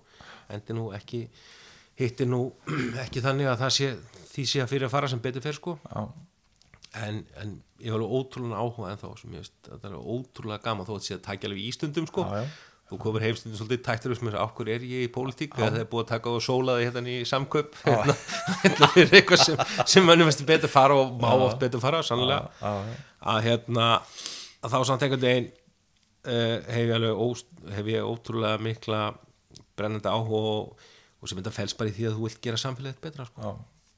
þannig að, að ég er að byrja þarna og ég er búin að vera viðlóðandi þetta meira og minna síðan. Og þetta mismikið þú veist, ég vann líka á sveitaflæðinu sem embætsmaður frá 2000, 2005 og þá var náttúrulega var pólitísk þáttaka ekki, ekki mikil og, og svo leiðis en ég satt samt í nefnd sem var óhaf óhaf mínum starfi Já. sem uppsöngum kynningutur þegar ég reyði með þá og var með þau mál ásamt því að vera fórstöðumar íslenska strísásafns og reðafrið já. sem er bara eitt af skemmtilegustu verkefnum sem ég farið í og, safn sem er ekki alveg óendalega væntum Já. sem er stýrfásamni Já, ég held að kveiki ekki alltaf allir á því hvað þetta er flott safn.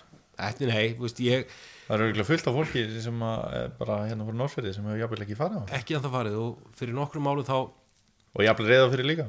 Já, meiri sem það komið svo óvart. Ég held að það sem verða búið sko, en, en þegar ég var að vinna þar fyrst þá voru hitt ég ennþá reyðfyrir sem ekki farið og Já. maður dreif sér með uppbyttur og þá uppgötuðu sko, hvað þetta var. Já, á þessum tíma þegar ég sko við tókum þetta ákvörðu fyrir nokkrum árum að eh, í, ég hafa bæjastjórna að hérna allir íbúar sem eru með fjaraðbæða kortið sem er kortið okkar sem kaupið til að fara í sund eða hvað sem er að hafa frían aðgang á söfnum okkar til þess að gera það bara verkum að fólk fari í söfnin. Já, því að oft hættur okkur öllum til að gleyma því sem er nær umhverjum og, eh, og fundum fyrir því einmitt að fólk þá einmitt svona uppgöta líka safna heim á öðrum, í öðrum hverfum sko.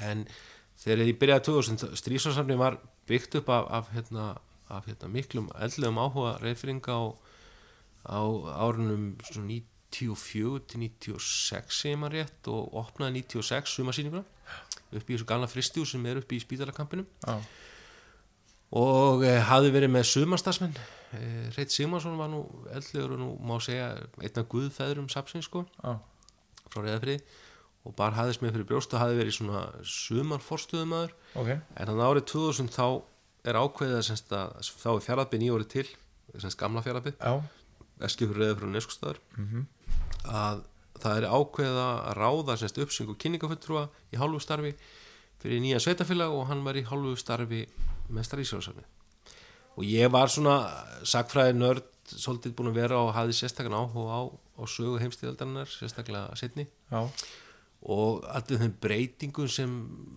sá tími hafði Íslandi því að já, þú veist, setni heimstyröldin bursi frá hvaða afstöðum en höfðu til sko, setu varnalýs á Íslandi eftir þetta. Já, eða það þá þetta er sá tími sem breytir hvað mestu fyrir Ísland ekki Ísland spurning. bara fer hraðbyrri frá því að vera mjög fátækt sveitasamfélag. Já, yfir því að bara veist, verður bara þessu nútíma samfélagi veist, verða, en þetta er gríðalega þjóðfélagsbreytingar. Já, og hérna og þetta breytir og Íslendingar hlutfallslega ef, ef þú tekur hlutfalli viðfræða því að við enda stundum á þessum tíma siglinga með fisk til Breitlands í fylgd með herskipum e, til þess að brauðfæða bara breyta með fiski að þá hérna missum við sko það farast fleiri íslenski sjómenn í þessum stríðsátökum heldur en hlutast heldur en bandarækjumenn í setni heimstyrjöldinni, ég mann rétt þetta, það er þetta, þetta kemur líka mjög við þjóðina við, við missum mörg skip því að Já.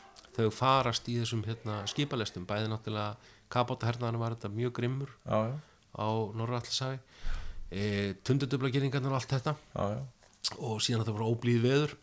Og hérna þannig að þetta er mjög merkilegu tími þannig að ég var mjög uh, ekki síður spennt fyrir því sóttum þetta starf með stýrsáðsafn slutan og á þessum árum ég var með stýrsáðsafnið í 2,5-3 ár síðan var ég uppsyngafullur í fullu starfi og það kom nýr fórstöðum að safnastofnum sem tók öll söfnun okkur yfir. Og en þá gerum við náum við heilmiklum breytingum. Við, við förum svona í þegar að byggja upp kamp eða byggja upp safnahúsið. E, og fengum hérna fengum til þess tilstyrk á ríkinu náðum því nú að, að til þess að þetta var þetta er eina safn á Íslandi sem segir þessa sögu já, heimstyraldra árin frá íslensku sjónarhóðni já, og hérna, þetta er ekki hernámsafn eða eitthvað slikt sem er önnu til. Nei. og uh, við hérna náum og förum að kaupa líka því að þetta er líka upp að bílaldur á Íslandi til, herin skildi þessi gríðlega með vagna bifræðin sem voru selda svo því vitið og þetta eruðu vörubílarnir sem kerið upp veginn að þjónustuð og svo framvegis.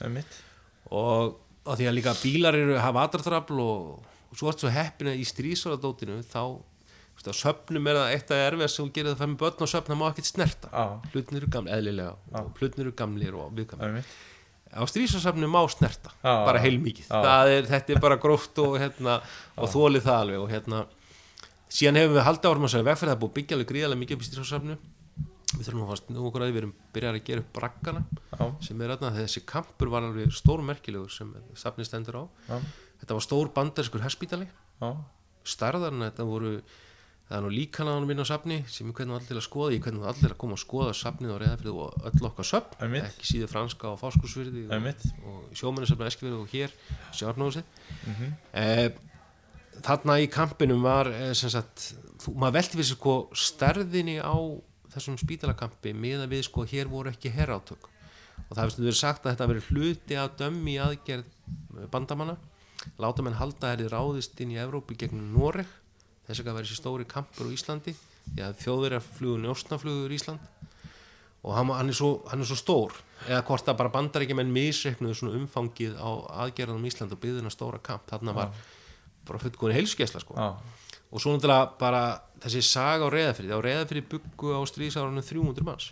Já, þegar mest lét á reyðafriði þá voru 3000 hermiðar að fjórum þjóðörnum já, breytar, bandaríkjumenn, kanadamenn og normenn þannig að þið getið ímyndið eitthvað breytingur þetta litla uh, þorp sem var að fá þessa fá þessa innrás í þeim skilningi að inn þannig að, þannig að þetta er þetta var rosa skemmtild og svo náttúrulega því fylgdi strísásöfni að strísásöfni væri ekki til eða ekki væri ekki til eldleir áhugamennum all land safnarar og nei. fleira. Og ég egnaðist marga skemmtilega vini í tengslum við þetta sem hafðu hagsapsins og sendu mann í muni og letu mann vita og ef voru einhverstað muni sem var í maður þetta be- bera sér eftir. Ætli þetta sé ekki það sem að flestir, kannski sérstaklega drengir eh, hafi einhverjum tímapunkti í sínu lífi nördast í. Jó, ég hugsa það, þetta var setna stríðismálunu Já, og aldrei sæði sög og setna stríði líka.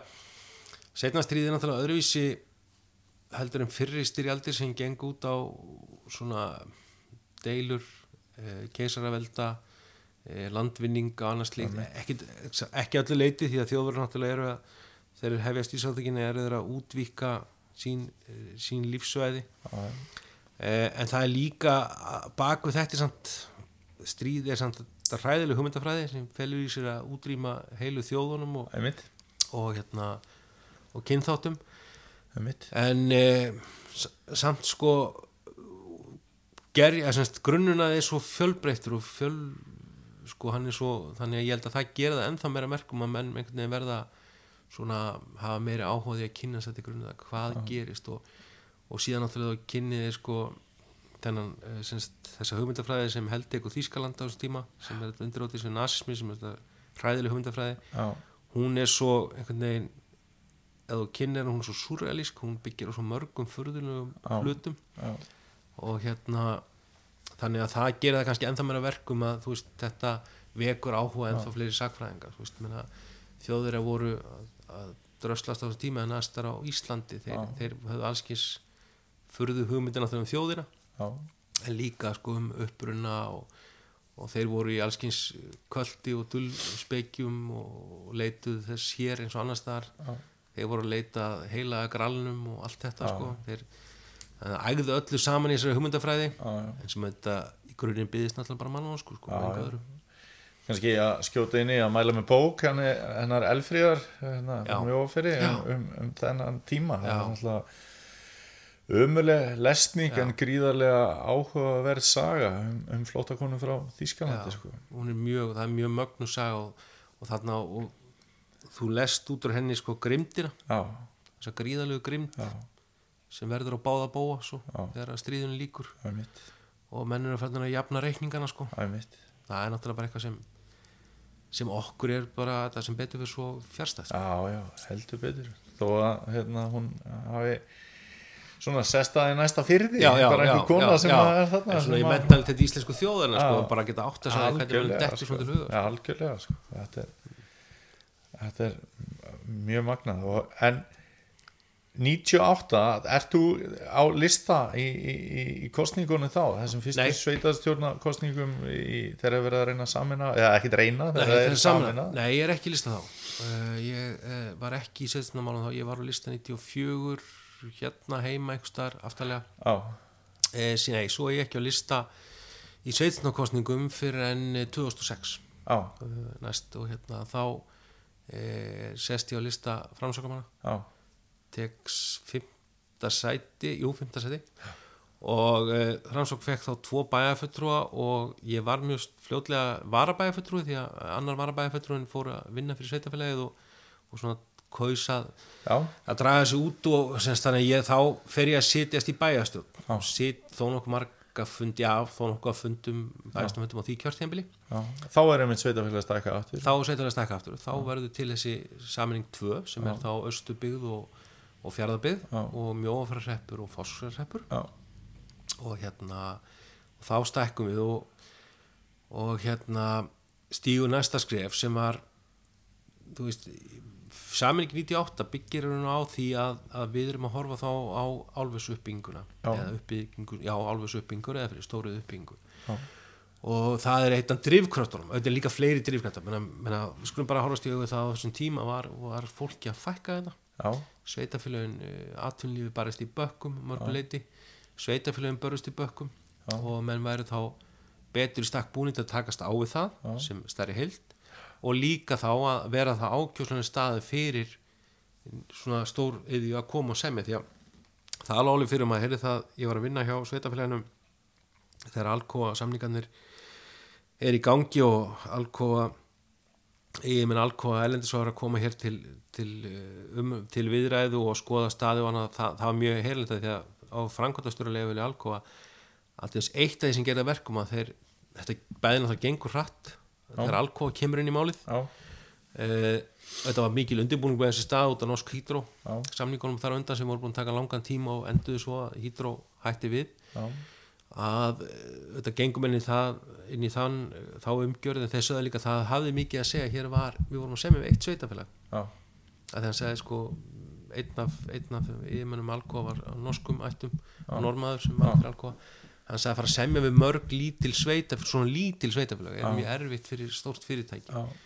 Og þannig að það, það gerði það grundöld síðan eh, 2006 samingin hún byggir á á því að þá er farið í átakum vegum, sveita, á vegum ríkisins að, að, stækka sveitafélagum nefla já, og þannig að þessi sveitafélag verða svo ofan á að þau ná saman um, um að fara í kostningu og verður til þessi saminning þarna sem er grunninn að fjara byrð síðan átt á 2018 uh, saminustu breytal sem var sem ég held að við séum alltaf saman að það lág þetta bara í lág svolítið bara í augum uppi að, veist, að það væri það stutt á mill okkar og, og Einmitt. við erum lík samfélag og, við, og ég er ekkit að, ég er ekkit fyrir ekkit ónum því að við samfélagi fjárabið auðgæðis bara við að fá breytal inn í þetta. Einmitt, og hérna þannig að þá má segja þá, þá byrja ég að sitja á sveitunarlistum. Ég hafði sitið í, í nefndum á, á, í þessu middeltíð e, og, en ekki verið á listum Nei. í hérna sveitunarlistum Þetta var náttúrulega magnaði tími þannig að 2006, eh, þú veist það er svo mikið í gangi og koma náttúrulega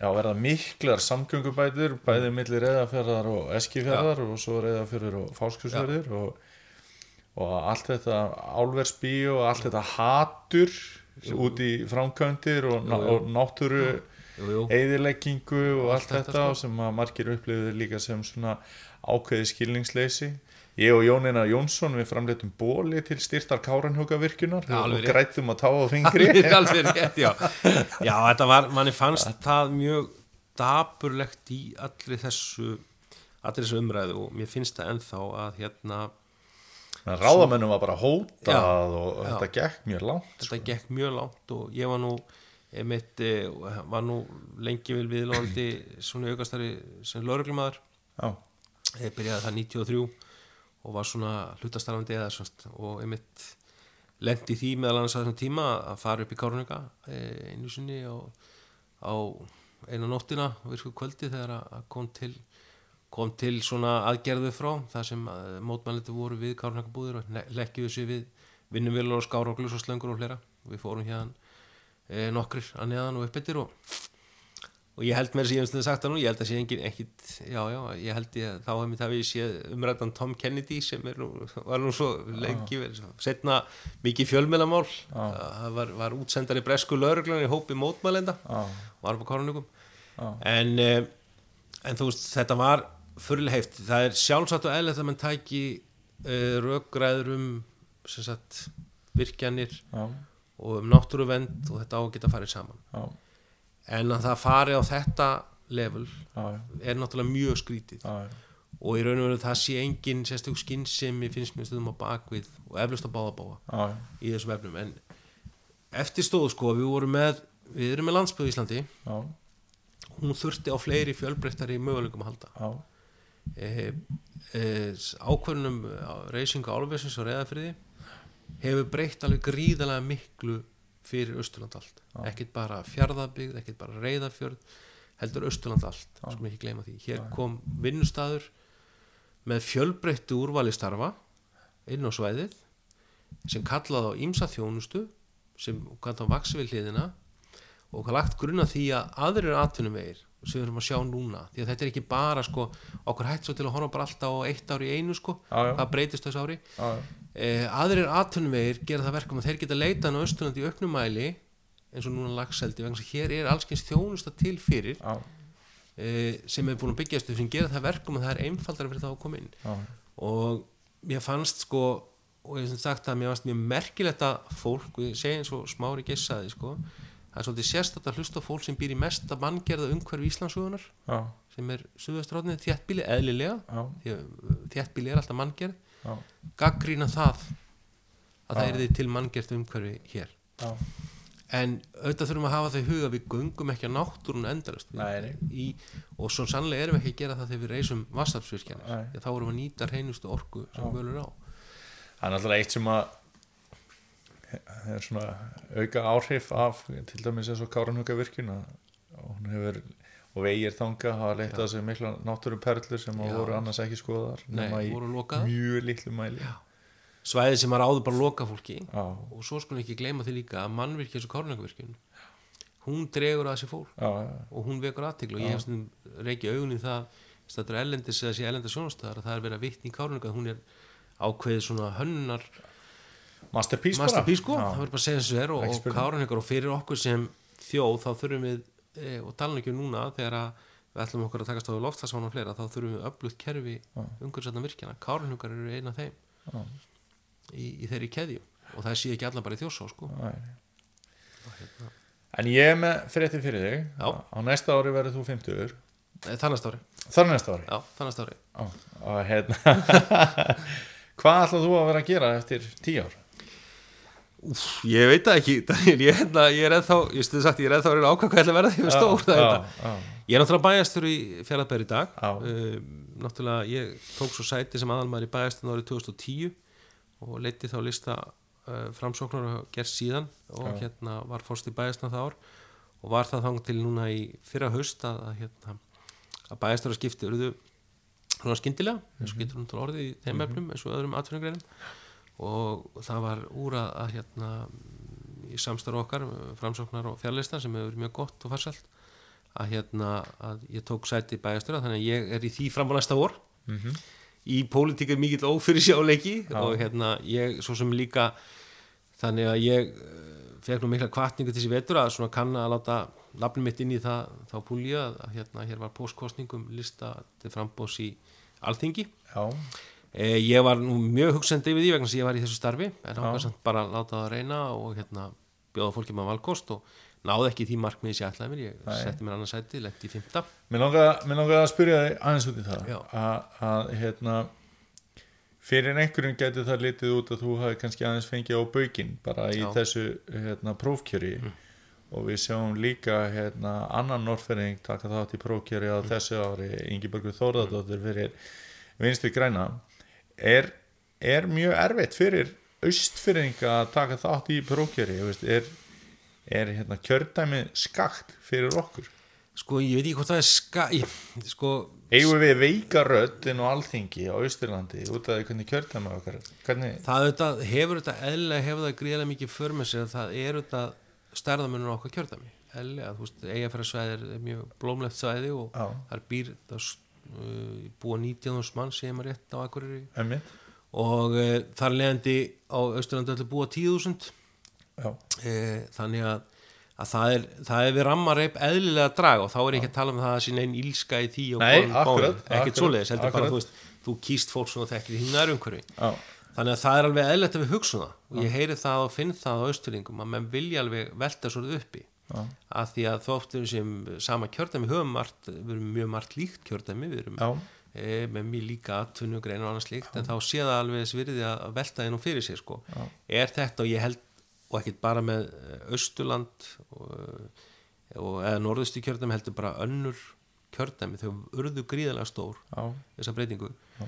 Þetta verður, þetta er handlegur ég finn það bara á þingmönnum í öllum flokkum. Já. fólk sem er bóð og búið til þess að vinna sína vinnu þetta er handlegur að, að fara um þetta stóra kjördæmi inn í því og allan máta. Já. Og mikið gert grína einum sem keirir hans í víða víða. og ég ég skila fullkonan þurfa að keira mjög víða því Já. því að við erum að horfa bara hérna Höfn og Grindavík er saman í kjördæmi saman í kjördæmi, við erum sigluförður og, og djúbjúur hérna, er Já. út, út, út stöðarnar Já. þessu kjördæmi, þannig að þetta, þetta, er, þetta er mál, þannig að menn þurfa alveg að velta fyrir sig, eru kjördæmin þú veist á þann hátt eru þau alveg rétt uppsett, sko ég held að það sé alveg orðin tíma bara að taka það umræðu. Veist, þetta, þetta liggur við að við séum konan stað þetta sé bara eins og eitt landskjördæmi sko. En ég held samt að það verið eðlilegt og ég finn það á östuringum já við Ingeberg sko við þetta Ingeberg erum að finna út að það er sínilega sko við erum bæði rítarar í okkar flokkum. Það er spurning hvort það sé einhver hérna einhver hérna hvort það sé orðin einhver svona einhver, hvað er við að segja svona bölvun á þessu, rítarabölvunin hérna Nei, ég sko, jú, auðvitað, auðvitað, það er alltaf vombrið þegar maður, þegar maður nær ekki því sem allt sér. Maður er í þessu, auðvitað er svona hálfgeitt keppniskap líka, maður veit ná. E, á móti kemur að ég var þetta mjög hreinskili með það að ég var að horfa á þetta sæti, e, fekk til svona ymsar, e, ekki segja, áskoranum að gera þetta. Ég vildi gera það líka fyrir flokkinu, okkur sem væri sem flest, flest nöfn undir, það er styrkleiki fyrir flokkin, hvernig sem þau fara á endanum. E, ég væri ég væri aftur á móti á þeim stað í lífinu ég væri með verkefni sem ég syndi bæjarstjórastarfinni sem ég kannski hjálpaði það nú ekki prókjöri heldur að, að hérna, vera í því starfi að, hérna, að það er þetta bara starf sem er þetta bara gríðalega umfarsmikið mér mjög mjög, mér mjög kert og hérna standa vel að því fyrir sveitafélag okkar þannig að, að hérna ég myndi ekki ekkit fara ef ég fengi ekki hennar stuðning þá væri það bara eðlilegt og, og þá held ég bara áfram mínu starf frá næsta vor og tek svo bara stöðuna þá aftur og velti fyrir mér hvað við gerum þegar að næstu setjumkostninga koma. Já. en jú, auðvitað er þetta alltaf en, en eins og ég segi sannlega finnst mér alveg full ástæða til að ræða og það er ekki sagt neinu til vansa uh, í neinum flokki. En, en sem kemur á öðru svæðin að við, við þurfum þetta að velta því fyrir okkur. Við þurfum að hafa góða dreifingu í skjörðami Já. og þetta erum við á móti kemur náttúrulega Línek Anna sem hefur verið þingmáður okkar já. náðu öðru sæti og, hérna, og er, verður okkar rödd áfram á þingi og ég hef ekki áhyggjur af því. Hún er, Mhm. hún er hérna eh, við erum miklu vinni á Línek og, hún er, er trössins verð sko Einmitt. og hérna, þannig að en jú, auðvitað finnst maður þetta aldrei gott að ná ekki því sem maður vil ná, en, en, en sannarlega þá bara sætti maður þessi við það ef fólk telur að einhver annar, einhver annar uppstilling síðan framöndan, Já. en það er alveg eflaust fyrir austfinninga líka, þá er þetta ef við horfum bara á mannatölum, þá verður það alltaf allt getur það alveg á það hallað að menn náu þessum markmiði sín Já. Því miður og, og ég held að það sé alveg umræðana virði bæði innan uh, innan þessa kjördama og líka inn á alþingi bara velta eins fyrir sér kostninga fyrirkonlegin En Hvernig er það? Hérna að því að ég hef mjög gaman að því að vera norfinningur þá ég hef ekki búið hérna síðan já, ég var hérna sumari 2006 en svo hef ég búið annar staða síðan og, og reyna að koma hérna mikið og hef mjög gaman að þessu verkefni og er mjög þakkláttu sум fyrir að stiða mig í því og, en hvernig er það veist, að vera í svona ábyrðafullu eh, starfi eins og vera bæjastjóri og svo er kannski verið að tala um snjómokstur á hlýðagötu á fáskursfyrði Já. og það er búið að taka þig bara inn í eitthvað status á Facebook og það er, veist, aðgengið að þeir er náttúrulega rosalega Já, já. mikið sögum stærða sveitafélagsins og, og líka þú ert svona ádróvert maður, þú veist, vilt hérna tengjast fólki og það, en, en svona samfélagsmiðla hliðin og allt þetta hefur gaman að þessu eða er þetta oft alveg slítandi eða? Þetta er svona, þetta er tví ekki að sver sko, jú, þetta er þetta bæðislýndi sko, það er hluti af ústu, ég, þetta verður með landfræðlega stór sveital eins og þú segir, sko, það eru 100 km frá Norrfyrði yfir á Breital Há. Og í aksturs, í aksturs keslu, eða í, í, á þjóðvegi og, og það er þetta alveg mann finnst mann aldrei geta sint í nógu vel að fara nógu oft í alla kjarna og svona ég er samt svo heppin, ég þetta búin lengi og, og þetta var bara á vini orðið og, og fólk sem ég þekki í öllum byggðakjörnum og kem þangað mikið og meira heldur en fólk heldur líka stundum. Já, hérna, ég er ekki alltaf bankað upp á þau ég er líka á ferðin að skoða framkvæmdir og verkefni og, já, og vonast til núna að þegar COVID sleppir ég er náttúrulega að koma hérna á viðtalstímum aftur og, og svona, í, út í hverfón ok. Og hérna en e, sko, jú, þetta er alveg áskorun sko, jú, þetta reynir oft svolítið á þú veist, Já. og þessi nefndi væri nú að búa mig líka til sko síða sem ég er stjórnmálamæður já, og svo þessi persónulega við tökum fjöspókina sko, þessi persónulega síða sem ég er með, með myndir af börnunum mínum eða já, eitthvað slíkt sko. Og hérna til þess aðeins að fjarlæga persónuna Já. en, en samt held ég að sé kostur veist, það er gríðalegu kostur í sveitafélagum Mm. að það er samt þetta, þetta aðgengi og þekkja og þetta líka er gott fyrir okkur sem stjórnmálum að halda okkur á jörðinni sko. Að hérna e, við erum bara í náinni snertingu við fólkið sem við erum að vinna fyrir alla daga sko sem er gott en það verður líka stundum og það þurfum öll að hafa í huga sko, að við þurfum líka stundum að sína okkur aðeins aðeins aðgætni í samfélagsmiðlumræðinni og uh, ég hef ekkert svona ég er búin að, nú getur ég sagt sko, ég er búin svo lengi hérna, og ég hef alveg gaman að því. Ég, mér finnst samt skemmtilega að fá um það símtali eða skilabóðum fá, taka símtali. Þó að sé erfistundum að ná í bæjasturinn, ég veit það. Hann tekur ekki alltaf síman á daginn því hann er kannski yfir hlaðin fundum. Já. og það er langt síðan ég hef verið í vinnu eftir svolítið svo verið, þegar ég var að vinna í sveit á vorin sko, nú ég, vinn ég frá 8 mótana til 8 kvöldin alltaf sko. Já. Eh, en ég tek mér til og ringi út. Mér finnst miklu skemmtilega að ræða það fólk og fá bara að heyra það beint heldur en því að ég sé að sumir gleyma sér aðeins þegar ég skrifa. Þeir segja meira heldur en kannski væri, myndu kannski segja í samtalenu og, og texta fylgir ekki alltaf túlkun? Nei, ekki allt tólkun, bara eiga samskipti beint og líka heyra þá mína hlið að ég fá að heyra bara beint og myndilega laust, það væri betra oft. Einmitt. Ég hef ekki svona þungar ágjör um mér sko, ég, ég lifi svo margt af sko, ég er svo vanur og hérna og veit að, að fíkust um í fólk og það, kannski meina ekki. En samt að hafa því huga, við þurfum líka á því að halda í sveitnumálum að, verða endur nýjun og það komi nýtt fólk inn. Og margt yngra fólk það, því rís hugur við þessar umræðu sem er á, á samfélagsmiðlum út í þá sem eru í, í sveitnumálum eða bara pólitík yfirleitt. Og við viljum lík, við viljum ekki að það gera það verkum að einhverju fari ekki að inn. Við verðum öll að að temja okkur það að hafa í huga að þegar við tökum ákvæðin þá erum við að reyna að taka ákvæðin fyrir heldina Já. og hún, svo ákvæðin verður sem happa drjúst fyrir sveita fyrir held það auðvitað geta snert suma aðeins öðru sig, reynum þá að ræða það. Já. en, en þetta er ekki þetta sé ekki að, aðföra einum en einum. Nei. og snjómostu sannlega er, er, er bara er, hérna, er eldfinn mál og hérna, og ég skil það vel. Það er að ég þekki það að vera sýta fastur í heimkjæslinni eða bílastæðinu alveg brjálaður þegar komin ristur en um munum það samt að að er bara, eru bara uh, fólkið okkar, bara okkar nágrannar og okkar hérna, samsveitungar sem eru bara að vinna við að leysa úr erfiðum aðstæðum átt á mótnana e, og við verðum bara að hafa því að það er engin að gera það með ekki, ég held að fara í engin snjóruðismæður á stað á mótnana með það fyrir augum að alltaf fara að gera öðrum erfitt fyrir. Nei, nei. Stundum bara bregst okkur bóðalistin og við sendum fólki ekki út af þessum tíma. Já. en allt er þetta gert þannig að við getum gert það sem hagkvæmastan hátt til þess að við fyrir nú vel með skatt við okkar líka. Og hérna en, en eins og ég segi, ég held að sem kannski alveg það við þurfum að venja okkur á það meira. Ég, ég oft finn það og veit að fólk virði það að fólk finnst það óþægilegt að ringi mér tími og ótíma. En það er allt í leið, ég er alltaf í vinnunni eins og aðri segðsnamenn við tökum það svolítið að okkur þegar við förum í þetta. Já, við erum bara til staðar og, og bara okkur finnst ennþá, okkur finnst ennþá held ég öllum miklu skemmtilega að tala við fólk heldur en að skrifast á við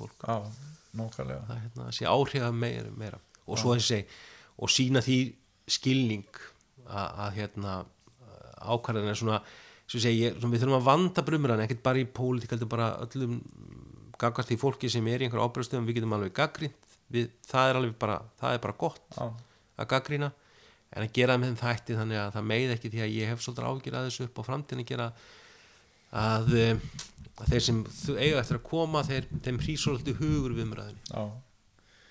Við langar að spyrja einu spurningu í lókin já, Hefur ekki svolítið gaman að því þá að innfættur norrfyrringur sem er framsónumæður sé bæjastjóri í Litlu Moskvu Jó, það er alltaf óskaplega Jú, jú, ég held að það sé það er mjög gott sko það er, hérna, ég, og þetta er, það er óskaplega gaman að vera uh, bæjastur líka. Það er, það, er, það er skemmtilegt. Já, í svona samfélagi. Já, og hérna þó að eina sem er, mér finnst dagur minn aldrei vera nógu langur Nei. og hérna, og fjölskyldan hefur alveg sagt mér það að þeim finnst ég fullið mikið yfir henni en, en ég held að það sé bara að sína það verkum að þetta samfélag er ekkit það sefur ekkit, það er bara það er á fullri ferð og við eigum ótrúlega marga möguleika núna. Já, við erum með stert atvinnulíf og til þess að við getum og það er kannski svona samvert hérðan og lítum sko, við höfum alltaf verið til þess að geta skapa góða velferð þetta hafa öflut atvinnulíf. Og það fyrir saman hérna í fjárabíð og ég held að það sé verið okkar styrkur í já. Og bara tökum líka eins og með samgöngur það er ekki 100 ár síðan ég fekk bílpróf Nei, en það er eiginlega 100 ár síðan ég fekk bílpróf. Já, það með breytingarnar og samgöngur breytingi hérna sko fá fársverðgöngi fyrst já, og tenginguna af suðin, ég var að hugsa að ég fór út í var, fór fyrir um daginn þetta fara út í, í sveitafossuri og fór fyrir skriðurnar og Já. Hafði ekki farið hann, ég og ég hafði nú farið hann í fyrra hitti fyrra. E, sem sagt e, síðast held ég alla leið, ég hafði nú bara farið út í miðjasveit þá og farið út tilbaka en fór fyrir skriðurnar og hugsaði með þú veist, það er ekkert langt sem maður kerði þetta sko, ef maður þetta var til Nei, nei. fossuri fyrir, ótrúlega þú veist leiðilegu vegur, þú veist, hann var hann í líkjum og hólum, fá farsaragöngin einmitt, opnun hann inn og uh, inn á þess miðis að síðan Norfragöngin náttúrulega sem náttúrulega, þú veist, ég hugsaði hana ennþá þegar ég keri í gegnum, sko, þetta var 2017 Já. þetta er þrjá mánuð ég hafa búin að nota það hver einast degi þrjá mánuð alltaf bara fatt að ég hafa búin að gleyma þessum ótskarsferðum því að það var svo skondi sko ótskarði og veitum þú gast lendi því að hérna, það var sko þetta salla fína veður sko hvort sem var á Eskifyrði og statuð þar eða á Norrfyrði en það var kolvilt stöður uppi. Það var alltaf að vera eins og limbo, þú veist, er nú orðið ófæskarðið þú veist, maður var í vinnu eða á fundum eða bara síðasta beigjan fyrir göngin eski fyrir megin og allt ég þetta henni nú og- var bara komin hálk í hana það varst að sumandekjunum en þá krakkandi manns að fara á æfingarinn og reyða fyrir höllina sem er þetta alveg magnað, þú veist, maður alltaf velta við sér sko, veist, hvort það væri nú komið vittlust veður rútan kæmist nú heim. E, dótti mín sem er bílveik var alveg gríðarlega fegin hérna, þegar laus við þetta.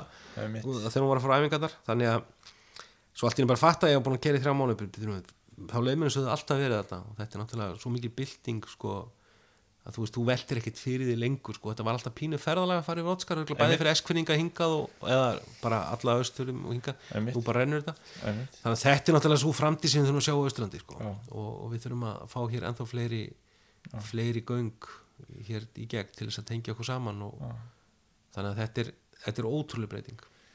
Ein spurning við Já. Hérna, hvenar eða heldur þú að við munum jafnvel sjá bara Austurland sem sveitafélag í Eitt. mjög náinni framtíð? Ég, sko, já, ég held og náttúrulega stíðin rosalega skref núna í að mynda Já. þetta múla þing. Já, já, við sjáum það núna eftir á Östurlandi, starfsvæði sambandsveitur á Östurlandi sem dæmi. Þeir núna hotna fyrir náttúrulega með Suðurlandi. Já, þá er bara hann eftir fjögur sveitafélag uh, það eru fjaraðbyggð og múlaþing Já, Gunnar Gunnarsson í Fljóstadal já, já, og svo Gunnar Gunnar sem fljóstal fljóstal líkatir og svo voffinningar Já, e, þannig að þetta er, þetta er, þetta er sko veist, ég held sko það er óumflýjanætt, ég held að við séum öll annað saman á það. Sveitafélög munu stækka sem einingar. Já. það tekur ekkert þau lífsgæði frá þeir að búa einum stað hvort þú tilherir stærri stjórnsteiningu ekki neitt, nei. trúi mér.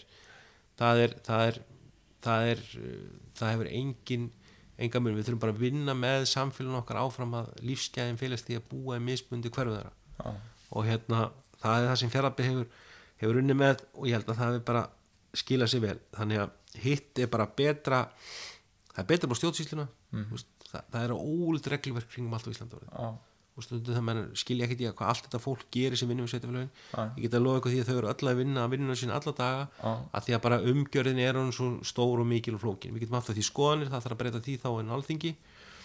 En til þess að þetta sé hægt þá þurfum við að vera með stærri fara betur með peningan okkar.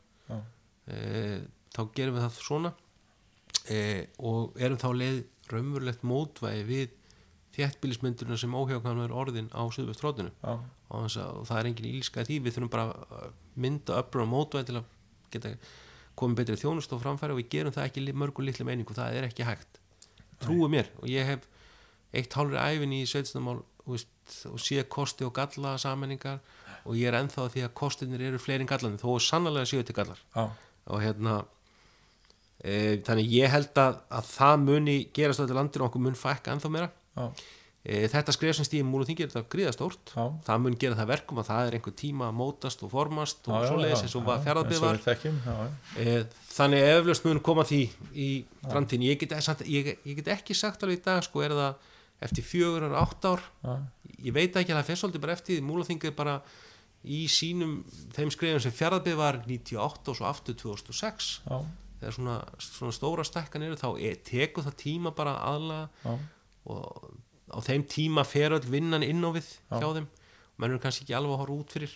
Já, þannig að hérna en eflaust eftir það ger ég ráð fyrir að við munum óhjákvæmlega að sjá fyrir okkur einhvern veginn framtíðinni að við hér verða að hafa samninga viðræðar sem gera það verkum á stöndar reitt Ég held að við getum sittið og rætt sveitastjónum Já, allan dag. bara, já, lengur. Já, já. en hérna, Jónbjörn, bara takk kærlega fyrir spjallið og gangið bara vel í þessum já, þessu þá síðast ári allavega í, í bili í sem fæjastjóri Já, og, það, og hérna, hérna, takk bara fyrir spjallið. Takk svo mjög leiðis og gangið vel í eigum takk fyrir